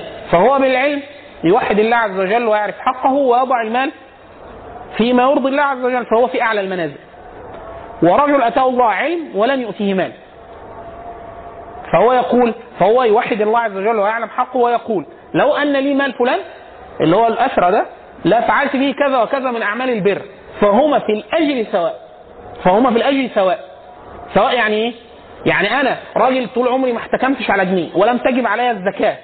طول عمري في الدنيا لأن ما جايليش مال يحول عليه الحول ولا بتاع وأجي يوم القيامة ألاقي إيه؟ متبرع بمليون جنيه وباني خ- مش عارف كام مسجد وجاهدت في سبيل الله وغ... كل ده. فأقول لهم أخوانا الكتاب ده مش مش, مش أنا. يعني كانت حالة مقشفره قوي في الدنيا فأنا ما عملتش كده. فهم في الأجر سواء يعني في واحد يسمع إن واحد اتبرع بمليون جنيه يقول أنا لو كان معايا كنت اتبرعت. واحد حالته الطبية يقول والله أنا لو معايا فلوس كنت عملت له العملية دي على حسابي. في واحد نفق الطالب علم يقول أنا لو كنت كنت تحملته. واحد حالة بتاع يقول أنا لو كان معايا مال كنت تحملت ده من عندي. لو وهكذا. فكل ده في ميزانه بالنية. لأنه يعلم إن النية الحسنة هي إن الله عز وجل تقطع إليه يقطع إليه الطريق بالقلب. خلاص فهما في الأجر سواء. ورجل لم يؤتيه الله علم وأتاه الله مال فهو جاهل. لا يوحد الله عز وجل ولا يعلم حق الله عز وجل في المال وكذا فهو يخبط في ماله. خلاص؟ فهو في أسوأ المنازل ورجل لم يؤتيه الله لا علم ولا مال. فهو لا يوحد الله عز وجل ولا يعرف لله عز وجل حقه ويقول لو أن لي مال فلان الرجل الثالث اللي هو في أدنى المنازل لكنت فعلت به كذا وكذا من الاثم فهم في الاسم سواء. يعني يأتي يوم القيامة يجد نفسه زنى مئة ألف زانية خلاص؟ وارتكب من المناكر ما الله به عليه. وهو لم يقترف ذلك قط في الدنيا. ولكن انعقد قلبه على أنه لو امتلك لفعل. عشان كده حديث النبي صلى الله عليه وسلم العين تزني وزناها النظر. اللي هي فكرة إيه؟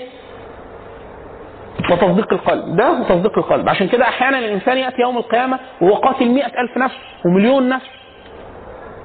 قاتل يعني هو الله عز وجل أول ما يقضي الله عز وجل فيه بين الناس الدماء. يأتي المقتول فيأخذ بيد القاتل وجرحه يسقط دما ويقف أمام الله عز وجل فيدخل بها الله عز وجل فيقول يا رب سل عبدك هذا فيما قتلني. فالله عز وجل يقول فيما قتلته فيقول حتى تكون العزة لك. فقتله في سبيل الله فيقول صدقت العزة لي. خلاص؟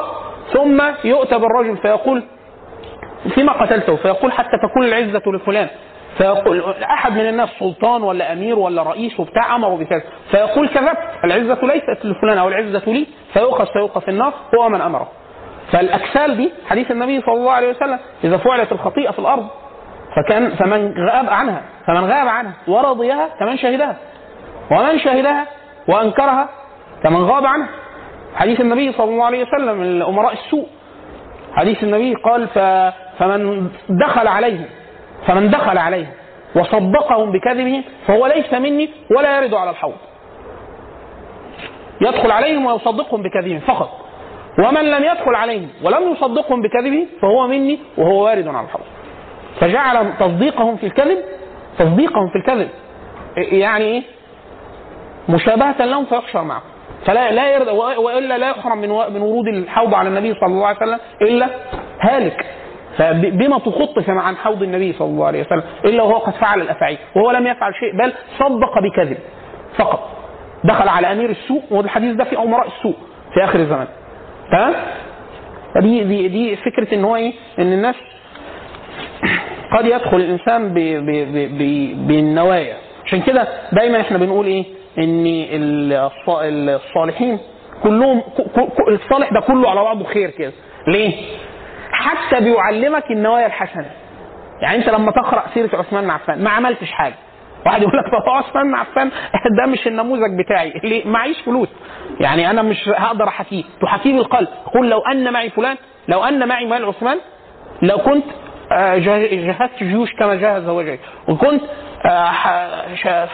رفعت عن المسلمين آه، آه، مؤونة الماء والأكل والشراب وكذا. وكنت آه، تبرعت ببناء المسجد كما فعل.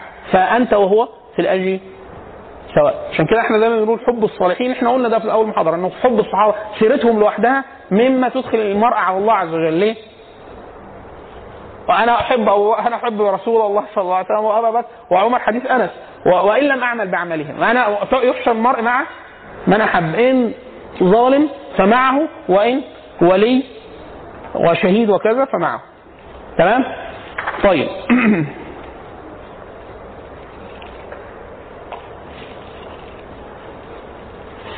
طيب في ما أنا هجيب هتكلم شوية أحاديث في مناقب عثمان عفان ثم ندخل على فتنة مقتل عثمان أو ب- يعني جزء عن خلافة عثمان وما أخذه الناس عليه في الخلافه لكن في حديث مهم جدا عن فكر الفكرة اللي إحنا كنا بنتكلم عليها فكرة اللي هي مدار مكانة الإخلاص أو العمل القلبي في الإسلام.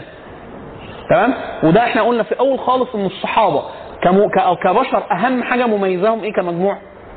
قلوب الصحابة. قلب قلب الصحابة. عند البخاري يعني عند الإمام البخاري في الصحيح عن أبي بردة ابن أبي موسى الأشعري أبو سيدنا موسى الأشعري صحابي وكان ولاه عمر بن الخطاب على العراق. قال قال لي عبد الله بن عمر. يعني عبد الله بن عمر ابن عمر الخطاب بيكلم ابن أبو آه، ابن أبي موسى الأشعري. يقول له هل تدري ما قال أبي لأبيك؟ قلت لا.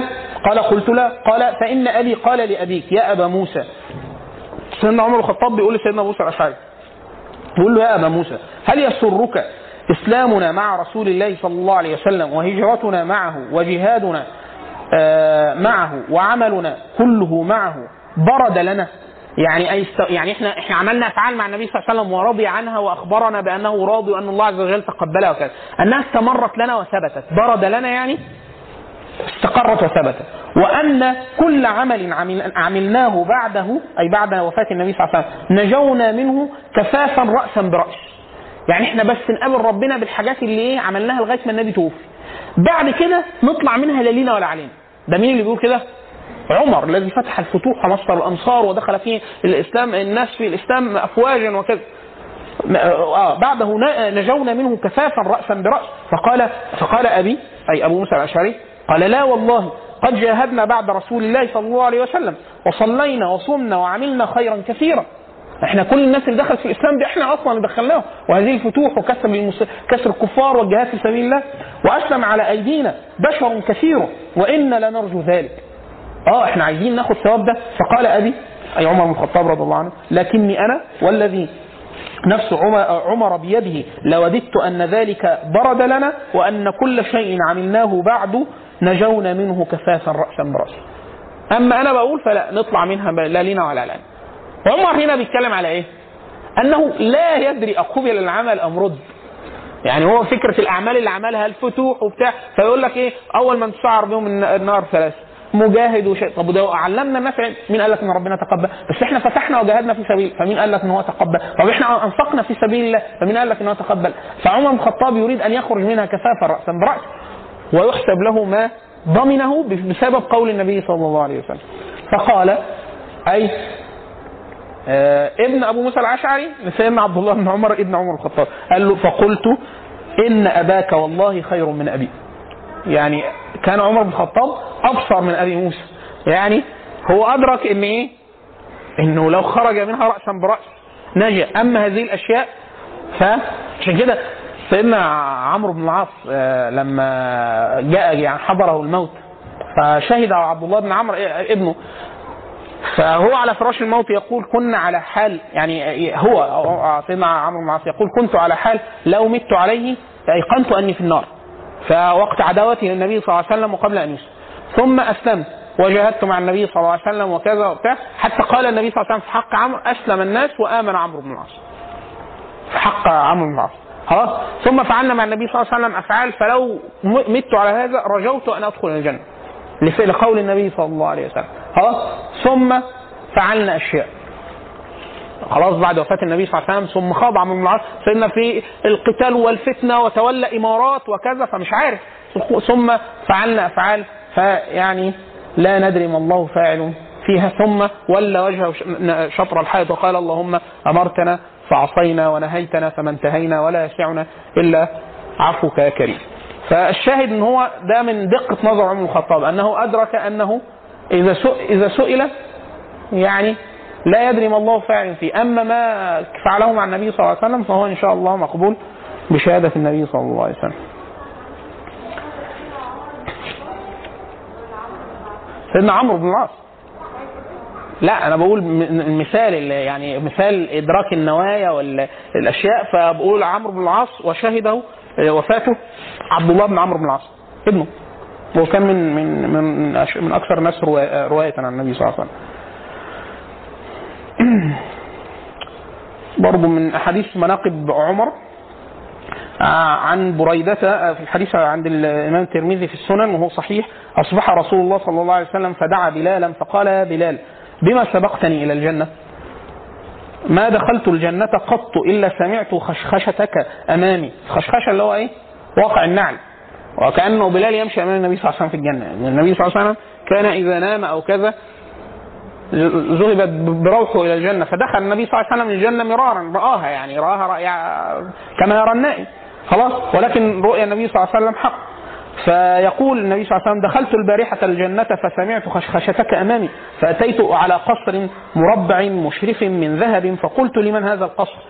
فقالوا لرجل من العرب. فقلت أنا عربي لمن هذا القصر؟ النبي صلى الله عليه وسلم. قالوا لرجل من قريش قلت أنا قرشي لمن هذا القصر؟ قالوا لرجل من أمة محمد. قلت أنا محمد لمن هذا القصر؟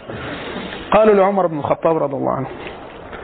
فقال بلال يا رسول الله ما أذنت قط إلا صليت ركعتين وما أصابني حدث قط إلا توضأت عندها ورأيت أن لله علي ركعتين. فقال رسول الله صلى الله عليه وسلم بهما.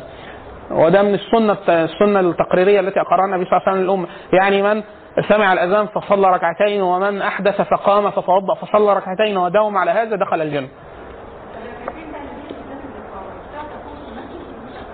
لا النفل مطلق النفل مطلق لكن في حق الرجال إن هو لا يصح يعني للرجال إذا دخل المسجد أن يقعد قبل أن إيه؟ يتنفل. والنفل ده قد يكون السنة القبلية للصلاة ليس بلازم إن هو يكون ركعتين مغايرتين للنوافل. يعني أنا داخل أصلي آه، صلاة فرض لها سنة قبلية زي الظهر والمغرب وصلاة الصبح. فجاز لي أن أتنفل وأحيي المسجد بالنفل الراتب اللي هو ركعتين أو الأربعة في حق الظهر مثلا. تمام؟ طيب.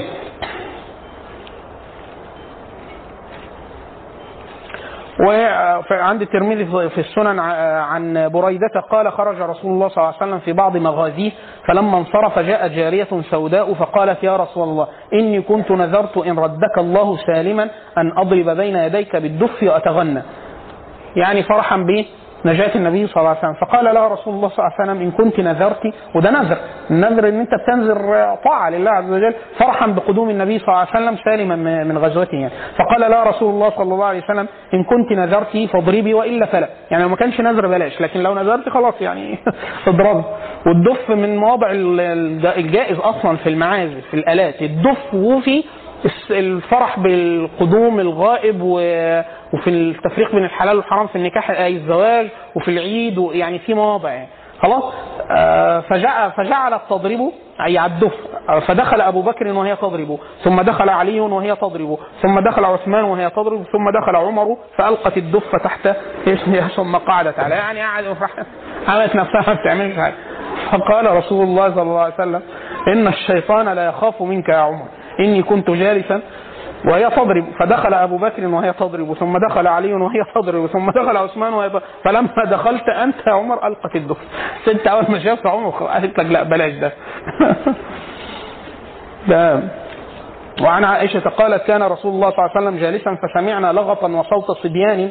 فقام رسول الله صلى الله عليه وسلم فإذا حبشية جارية آه، تزفن والصبيان حولها. يعني بترقص وتلعب مع الصبيان. ف... فقال يا عائشة ودول الصبيان في ال... بي... بي... بي... بيلعبوا في في رواية الحبش بيلعبوا بال... بالحراب في المسجد.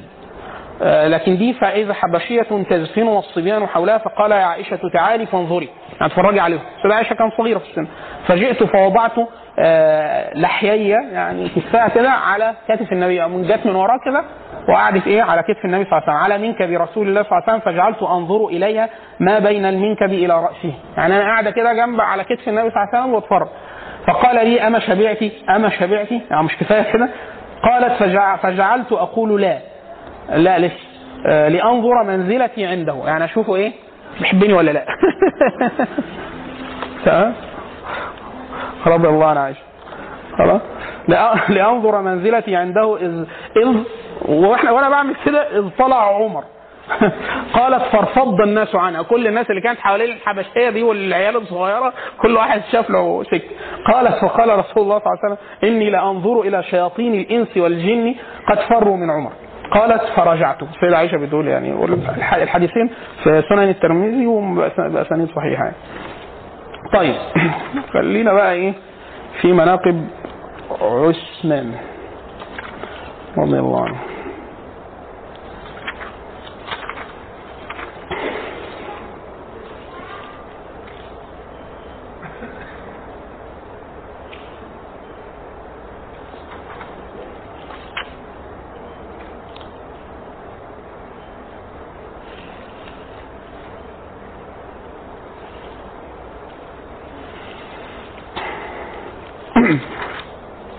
حديث عند الإمام مسلم في الصحيح عن عائشة قالت كان رسول الله صلى الله عليه وسلم مضجعا في بيتي كاشفا عن فخذيه أو ساقيه.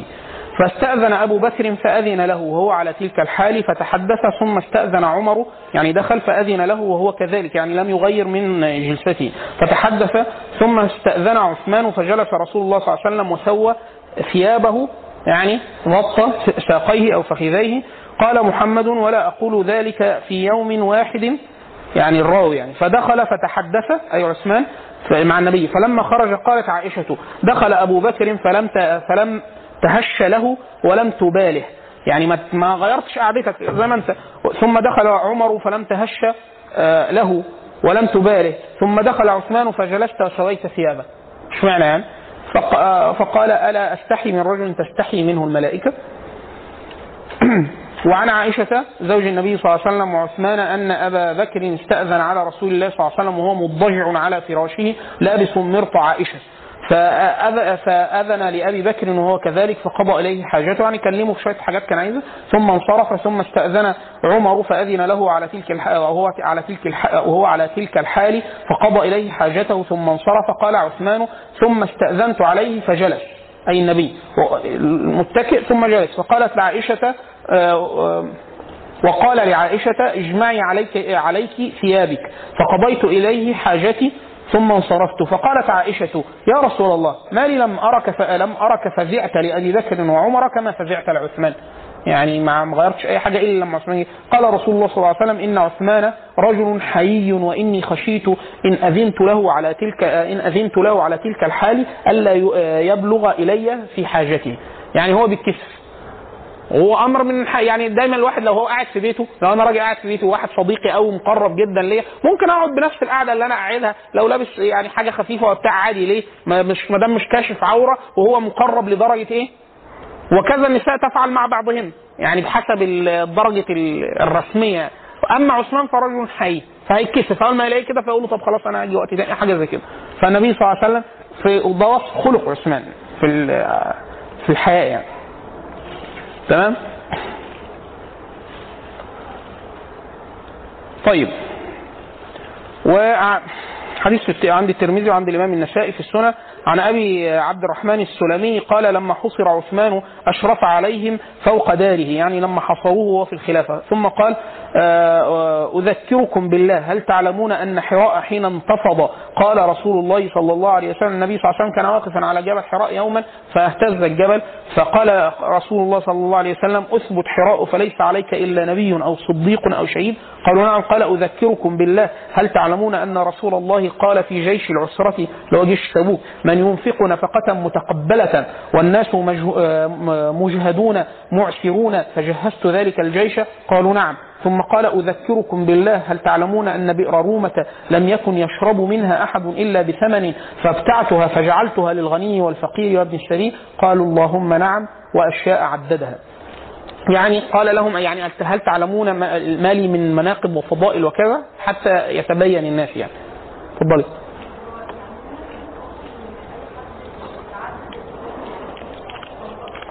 لا في مواضع نعم. في م... في في لحظة.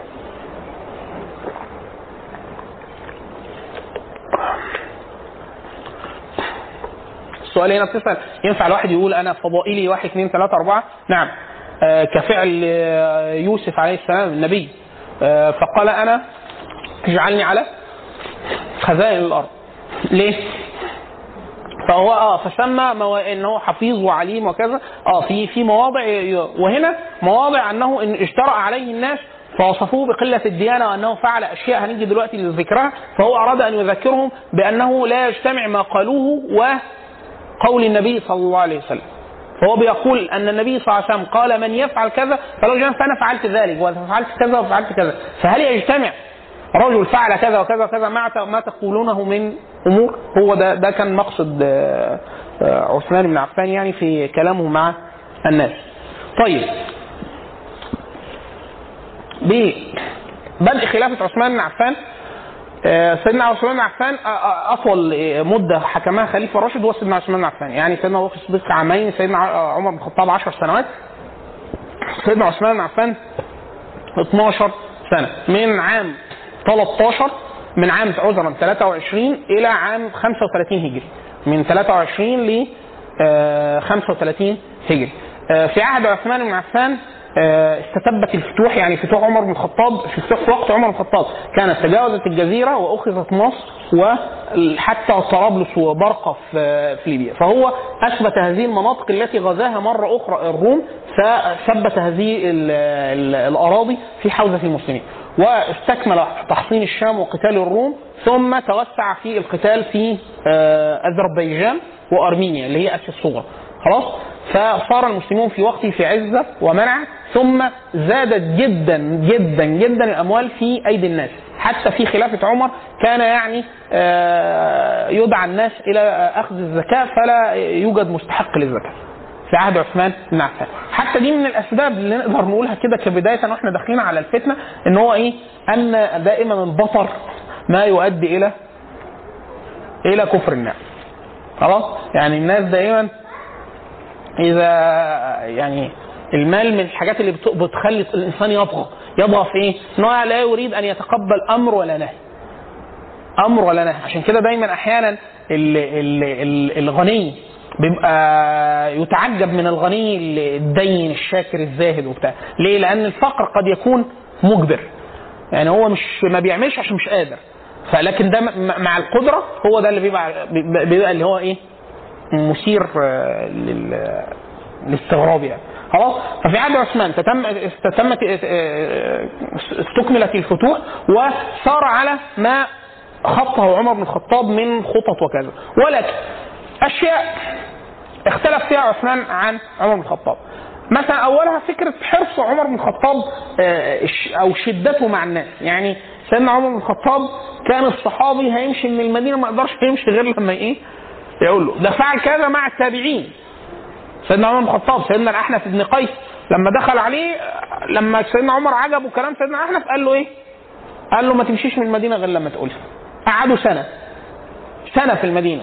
يجي على في مجلسه يسمع كلامه وكذا وبعد كده حتى هو في المجلس سيدنا الأحنف هو سبب هو أعجب بيه إن الناس كلها سألت أشياء ليها أو لقبائلها. الأحنف سيدنا الأحنف بن قيس سأل أمور إيه تنفع عامة المسلمين. فسيدنا عمر الخطاب انتبه ليه واستشعر إن هو رجل إيه؟ ذو رأي وبتاع وسألوا عن نسبه آه، هو من وجوه الناس آه، في آه، بنو تميم. خلاص بعد كده بص كده في البؤجة اللي معاه في عدة السفر فلقي توب. شكله إيه؟ حلو. أو جديد أو غالي. سيدنا الخطاب مسك التوب ومسه كده وكان عالم بالتجاره قال له ده بكام؟ فسيدنا احمد قال بيقول فما جربت كذبا أو ما كذبت كذبه في الإسلام قط إلا هذه. دي الوحيده اللي أنا كذبتها. ليه؟ عشان عمر الخطاب. قال له إيه؟ ده بكام؟ قال له بثمانية. ثمان دراهم. هو ب 12 خلاص؟ ف... فسيدنا عمر الخطاب بص له كده قال له يعني آه ألا يذهب أحدكم إذا يعني إلى فضلة مالي فضاع في أمر الآخرة؟ ما معاك فلوس تجيب ثمان دراهم آه، هضوم وبتاع. ثمان دراهم دول آه، يعني 160 جنيه مثلا ولا حاجة. ما الدرهم لا الدرهم فضة. الدينار ذهب. الدينار أربعة وربع جرام ذهب. الدرهم شوف انت جرام الذهب بكام. خمسة؟ لا الفضة.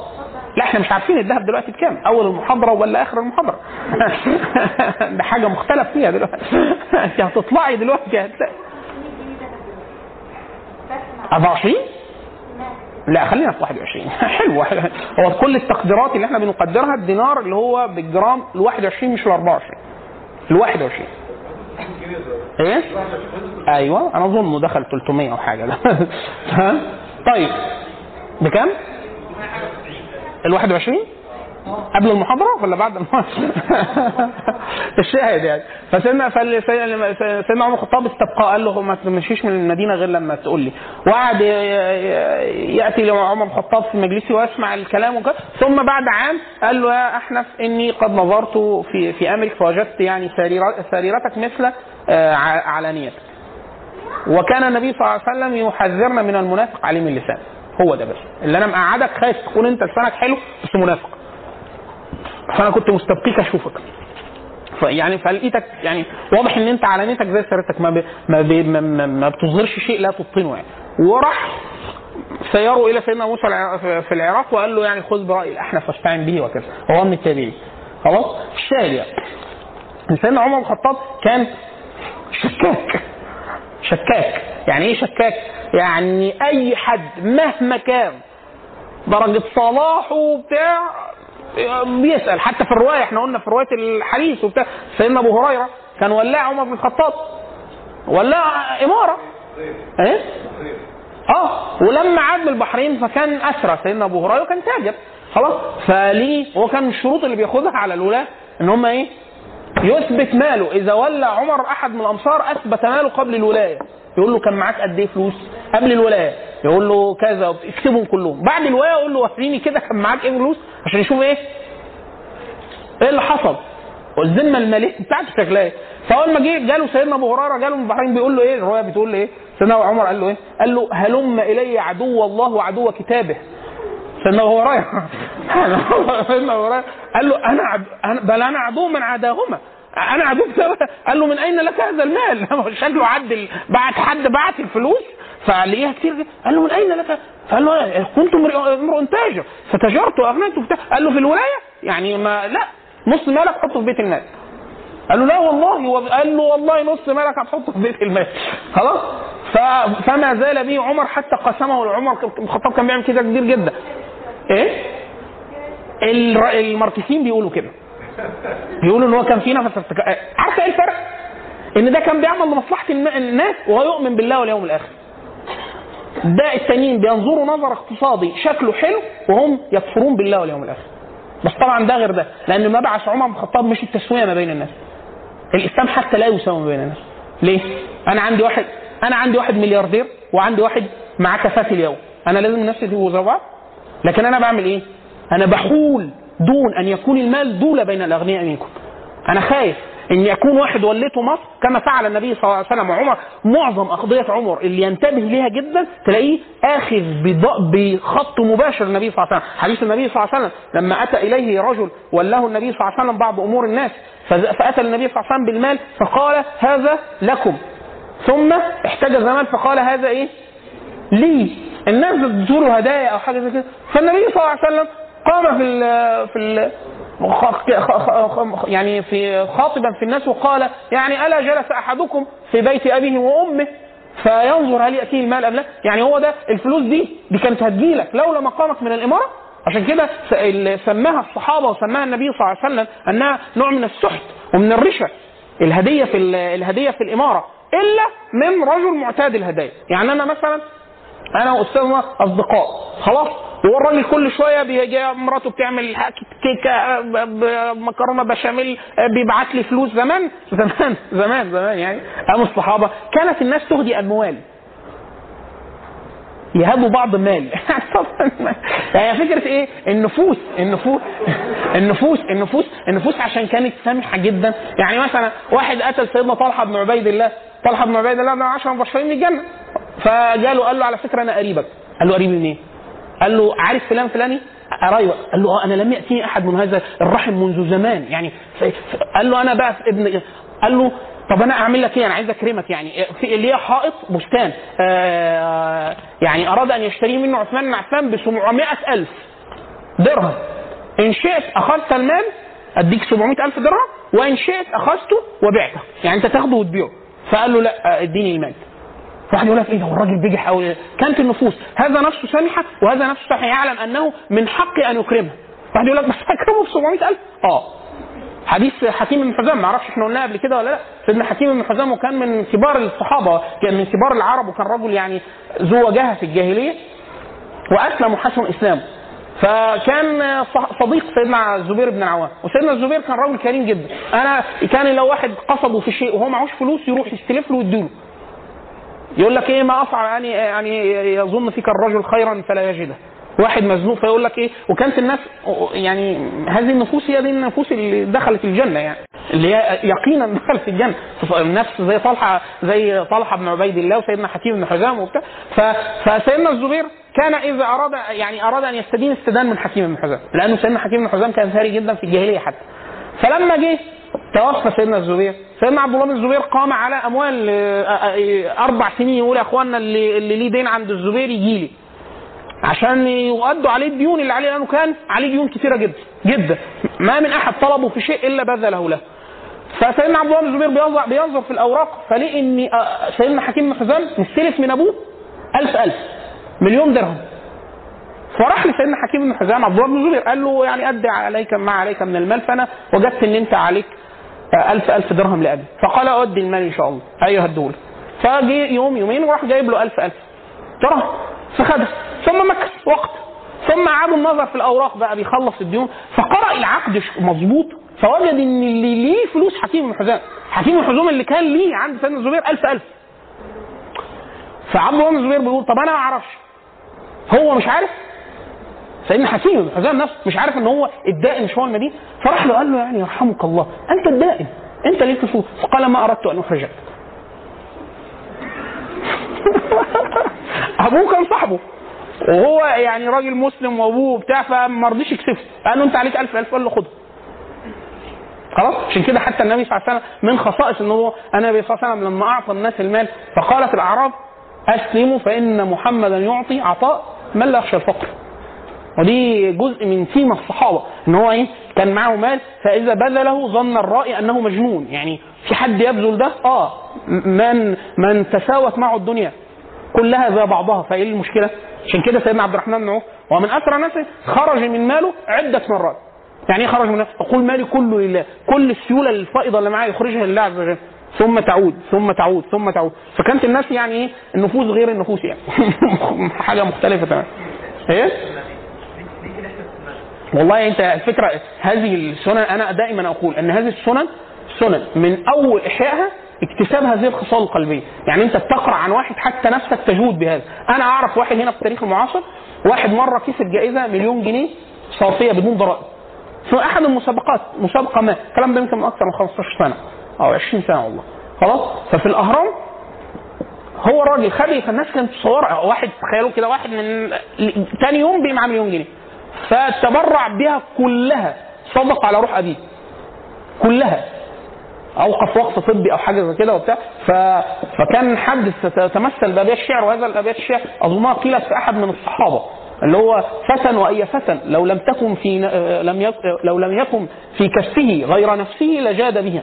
فليتقي الله سائله. يعني إيه؟ هتسأله اسال بالراحة لأن أنت هتقول له هدي هديها لك وكذا النبي صلى الله عليه وسلم حتى عاتبه الله عز وجل. الرجل اللي أعجبه حلة النبي صلى الله عليه وسلم فقال له تعجبا فالنبي صلى الله عليه وسلم دخل فايه فخلعها فأعطاها له. وكذا كان عثمان رضي الله عنه. تمام؟ فعثمان بن عفان في وقته فتحت الدنيا على الناس. إن سيدنا عمر بن الخطاب أول حاجة ده مأمور من قبل الله عز وجل والثاني بينظر نظر ما يرى من مصلحة. مفيد من كده. البركتية برضه آه، الفلوس بتاعته. لا هو ما هو عمر بن الخطاب لم يفعل هذا مع أحد الناس ده فعله مع الأمراء. يعني أنا راجل أمير أنا وليتك على أمور الناس فأنا اشترط عليك شروط. من الشروط الا تسرى يعني لا لا تسرى بسبب الإمارة. الثاني الثاني يريد أن يستذل الناس الدولة تستذل الناس. يعني أي واحد تأمين. طب وهذا المال ده من أكل اموال الناس بالباطل من أكل اموال يقول لك أي واحد ثري فوق كذا خد منه أرض. مين قال لك ده؟ ده سحت اللي أنت بتاكله ده. لو عملت كده مع ولاتك كنت فلحت. لكن هو كان إيه بيأخذ بس من إيه؟ عطاء من لا يملك لمن لا يستحق. واحد يقول لك هو خدوا الأرض من الأغنياء واداها للفقراء طب هي مش بتاعت الأغنياء؟ واحد يقول لك لا مش بتاعتهم. أمال بتاعت مين؟ هي ده السؤال بتاعت مين؟ ومين اللي حدد إن ما حدش يمتلك فوق أكثر كذا من الإسلام؟ مين اللي قال إن ما حدش يبقى معاه شقه تمليك؟ مين اللي الإسلام ما فيهوش كده. وإلا كل هؤلاء تملكوا. أما النبي صلى الله عليه وسلم فتملك. فتملك وملك وباع واشترى وكذا. يعني القصد إيه؟ إن لا ده وجهتين مختلفين تماما. والفكرة الأهم على الإطلاق إن ده بيعمل ده من أنهي نظر؟ من نظر فقهي مش من ما ما ما ما, ما ارتآه. يعني عمر مش تطلع في دماغه فكرة كده وإلا عمر لو لما كان بينازع في أصل صحيح زي الست اللي قالت له لأ المهور دي فسكت. والست اللي كان الأموال بتاعت ال- الفطين فلما أتت بأصل أصح من الأصل الذي بنى عليه عمر بن الخطاب أمره نزل على رأيه. وكذا الاراضي المفتوحة. آه ال- الأمر لما لقى أصل أصح من من من السنة القديمة. وجاء قال لهم لا ده الظرف اختلف فالعلة الحكمين مختلفة فأنا أخاف على الناس وهكذا. فالقصد إن النظر ده ده نظر واحد بيعبد الله عز وجل فهو عبد عبد لله عز وجل فهو يفعل بأوامر الله عز وجل في كل شيء. أما الثاني فهو سواء ماركسي أو اشتراكي أو كذا هو يريد أن يسوي بين الناس بما يظن هو مساواة. أنا لا أريد أن أسوي بين الناس أنا أريد أن أعدل بين الناس كما أراد الله عز وجل. وأنا أجتهد أص- أخطئ أو أصيب. يعني أنا مش مش اللي أنا بعمله اللي هو بيسموه أحيانا ايديولوجيا صلبة. يعني هو ده وإحنا لازم نروح للجنة الاشتراكية والناس كلها تبقى زي بعض تلبس زي بعض تشرب زي بعض يا أخي سبحان الله العظيم الله عز وجل خلق الناس مختلفين. الرجل الرجل الثري اللي كان جالس النبي صلى الله عليه وسلم فالنبي صلى الله عليه وسلم لما تكلم عن الكبر وبتاع فقال له يا رسول الله أنا أحب أن ألبس إيه؟ أن يكون ثوبي حسنا ونعلي حسن أو ثوبي جميل وثوبي فالنبي صلى الله عليه وسلم قال له ليس هذا من الكبر في شيء إنما الكبر غمط آه، بطر بطر الحق وغمط الناس. هي دي بقى الفكرة احتقاء إن أنت ترد الحق إذا جاءك بعد أن تعلمه أنه حق أو تحتقر الناس. خلاص؟ فهي هي دي هي دي دي الف- دي ده- فارق مهم جدا ما بين التصرفات الاشتراكية وما بين ما فعله عمر بن الخطاب رضي الله عنه. تمام؟ لحظة. آه ما هو إحنا ما دايما بنقول مش مهم التشابه في في السلوك إحنا عايزين الجذر المنتج لل لل للأفعال. ليه ده عمر بيعمل كده وليه وليه غيره بيعمل ده؟ اثنين آه، مختلفين. عشان كده حديث آه، ابن جدعان. السيدة عائشة لما سألت النبي صلى الله عليه وسلم عن ابن جدعان رجل كان ينفق ويحيي الموؤودة في الجاهلية. فقالت له يا رسول الله ابن جدعان كان يتصدق ويحيي. يعني بينفق على الناس ورجل كريم ويحيي الموؤودة في الجاهلية. ده ينفعه شيء عند الله عز وجل؟ فالنبي قال لها إيه؟ لا لأنه لم يقل يوما اللهم اغفر لي خطيئتي يوم الدين. يعني في واحد يقول لك إيه أنجيلا جو أنجلينا جولي. بتطعم الفقراء والمساكين ومش عارف إيه. خلاص ده ليها حاجة عند الله؟ الله أعلم. الله أعلم يعني لو ماتت على ما هي على هي بوذية. خلاص هي على البوذية. فهي لو ماتت على هذا ما, الذي ينفع لو كان بلغها الإسلام بلوغا صحيحا لم تقل يوما اللهم اغفر لي خطيئتي يوم الدين. مش الله مش بتتكلم بوذا إحنا بنتكلم رب رب الناس. رب فاطر السماوات والأرض. خلاص؟ طب اللي عملته ده ينفعها شيء في الدنيا؟ آه ينفعها شيء في الدنيا. إيه؟ حسن الذكر. حسن الذكر. والله عز وجل يعني ينفعها بعملها في الدنيا كما يفعل مع أي حد يكفر بالله عز وجل في الدنيا. خلاص؟ فواحد يقول لك ما هم الاثنين بيعملوا مع بعض. لا اللهم ده لم يقل يوما اللهم اغفر لي خطيئتي يوم الدين. وده المفرق ما بين الناس في الدنيا على الإطلاق وقول لا إله إلا الله محمد رسول الله. فإن قالها قبلت منه وما تلاها من عمل. فإن لم يقلها ما نفعه شيء من العمل. بشرط أن يبلغه الإسلام بلوغا صحيحا. شرط يعني لو واحد في الإسلام عمل أعمال بر وكذا وبتاع ولم يبلغه الإسلام بلوغا صحيحا. يعني عرف إن في إسلام بس ما وصل له الإسلام بطريقة مشوهة. يبقى ما بلغوش الإسلام. ده إيه؟ لم تقل تقم عليه حجة رساليه ده غير معذب. ولا غير منعم. يعني ده هيخش الجنة ولا يخش النار. الأول هيسأل. يسأل في العرصات. حديث الأربعة اللي بيعتذروا على الله عز وجل إن هو إيه؟ الرجل الهرم والأبلة أو الأحمق يعني أو الرجل الذاهب العقل وأهل الفترات وال- والأطرش. دول الأربع أصناف اللي بيعتذروا الله عز وجل. الراجل الهرم ده الإسلام جاله ولا في نبي بعث وهو عنده 120 سنة 130 سنة. كل آه، كل حواسه ضاعت وبتاع في نبي. قاعد بس هو خلاص؟ فده اعتذر الله عز وجل يقول له يعني النبي لما نبي رسولك لما جه أنا ما كنتش بأدرك شيء. والأخرس وال- أو الاطرش عذرا. كان في نبي بس مش عارف يتواصل مع حد ولا عارف يوصل له النبي عايز إيه وبتاع فده لم تقم عليه حجه رساليه والرجل ال- الأخرق واحد عبيط رب ربنا أذهب عقله في الدنيا. فده إيه؟ الناس يقول لك ده ده ده بتاع ربنا هيخش الجنة. هو لما معهوش مرات التكليف اللي هو العقل. فده يرد ليه عقله يوم القيامة؟ فيقول يا رب جاء الإسلام أو جاء رسولك وكان الصبيان يقذفونني بالحصى. أنا كنت مجنون ما لا يعقل. والهرم واصحاب الفترات. واحد جه بعد عيسى عليه السلام ب 500 سنه كانت النصرانية تحركت وقبل بعثة النبي صلى الله عليه وسلم ب 100 سنة. فلم يشهد رسالة صحيحة هنا ولم يدرك النبي صلى الله عليه وسلم فلم تقم عليه حجة رسالة صحيحة. خلاص الأربعة دول بيعتذروا الله عز وجل في العرصات في الموقف في يوم القيامة. يقول يقول يقول لله عز وجل يعني لم يبلغنا رسالة صحيحة كذا فالله عز وجل يقبل منهم الأعذار ويأخذ عليهم موثقا أنه لو كان أرسل لهم رسول من قبل الله وتبينوا أنه رسول الله عز وجل كانوا يصدقون فيقول نعم يا رب. ثم يرسل لهم ملك في هيئة رسول في العرصات يعني في الموقف. ويقول لهم أنا الرسول الذي ارسلني الله لكم بحكم الميثاق الذي أخذ عليكم فيقولون نعم. أيوه. ان ربنا خد علينا موثق. فيقول لهم انظروا هذه النار تمثل لهم نار فيقول إن الله عز وجل يأمركم بأن تلقوا أنفسكم في النار. فمن ألقى نفسه في النار كان يجيب دعوة الرسل في الدنيا ومن لم يجب الرسول وكأنه كان يكذب الرسول في الدنيا. خلاص؟ فهي دي الف- الفيصل. يعني فكرة إن هو بيحقق عدل أو مساواة أو كذا في الدنيا بدون أصل. لا إله إلا الله محمد رسول الله فاللي بيعمله ده ملوش ميزان عند الله عز وجل. تمام؟ إحنا الأول قدامنا قد إيه؟ الناس اللي مع الوقت.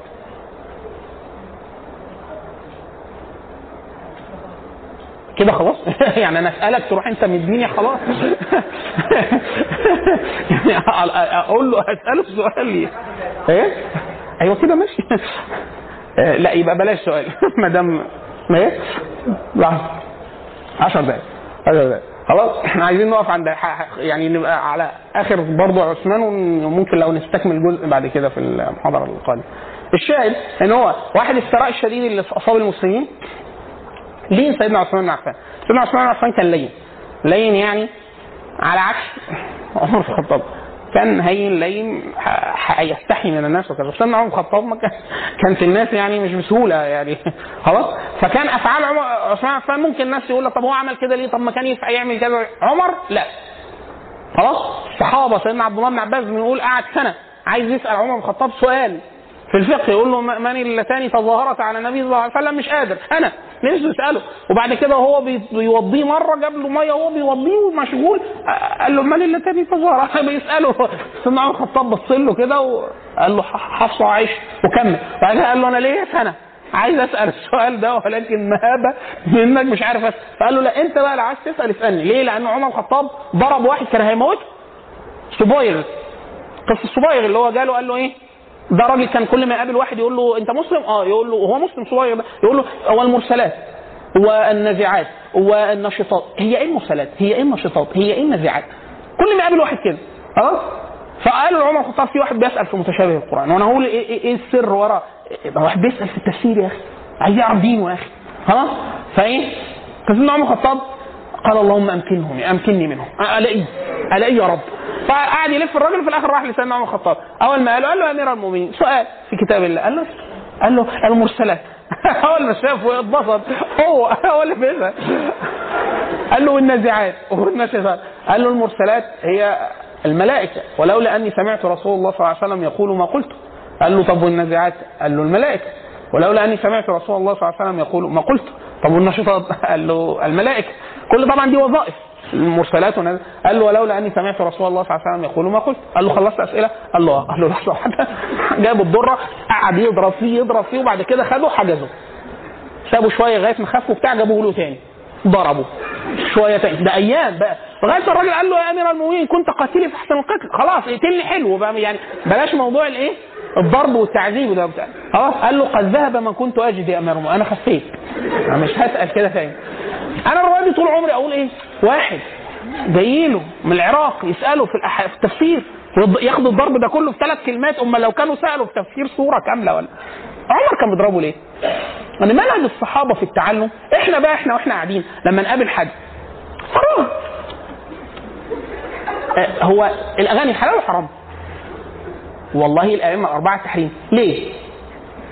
عشان ساعة ساعتين هو حضرتك تسمع أغاني؟ أه. كلامي هيفرق معاه؟ لا. هو بتسال ليه؟ خلاص. الحجاب. شكله إيه؟ طب في يعني طب الآية اللي في القرآن دي معناها كذا؟ جواز التعدد. هو الأصل ولا حرام أصلا؟ والقرآن قال كده ومش هتعدلوا يبقى مش هتعدلوا يعني ما تتجوزوش. حاجة كده. هو انت بتسأل ديانة يعني انت بتسأل عشان اللي هينبني الكلام بتاعنا ده هينبني عليه عمل ولا هو سؤال من باب اللي هو إيه؟ آه، اعرف معلومة وخد جنيه وربع يعني اللي هو إيه؟ من باب الثراء المعرفي فقط فالصحابة ما كانش عندهم الموضوع ده عايز تسأل تسأل إيه؟ ديانة وتعلما ده واضح من طريقة السؤال ان هو إيه؟ فاضي يعني إيه؟ تعرف المرسلات؟ تعرف النزاعات؟ تعرف النشاطات؟ لا ده مش بي... سيدنا عبد الله بن عباس ده واضح من سلوكه إن هو صحابي إيه؟ ده بيقرأ بيحفظ بي- بيحفظ عنهم أحاديث النبي صلى الله عليه وسلم ومش... عمر بن الخطاب أدرك إن لقطه كده. خلاص. فحلق له شرعه. ده كان يعني حتى يبين إن هو عامل حاجة لأن العرب كانت أصلا ترخي شعورها الرجال يعني. خلاص. وبعد سيدنا موسى على الشارع قال له لا يجالسه أحد لغاية ما إيه؟ أعرف إن هو تاب. مش هيرجع للي بيعمله ده تاني. فكان اذا اجتمع في أهل الحلق في في المساجد ودخل عليهم صبيغ وحسوا إن هو قاعد يبصوا أول ما يعرفوه يقولوا له إيه عزمة أمير المؤمنين؟ يقوموا ينحفضوا ويسيبوه لوحده.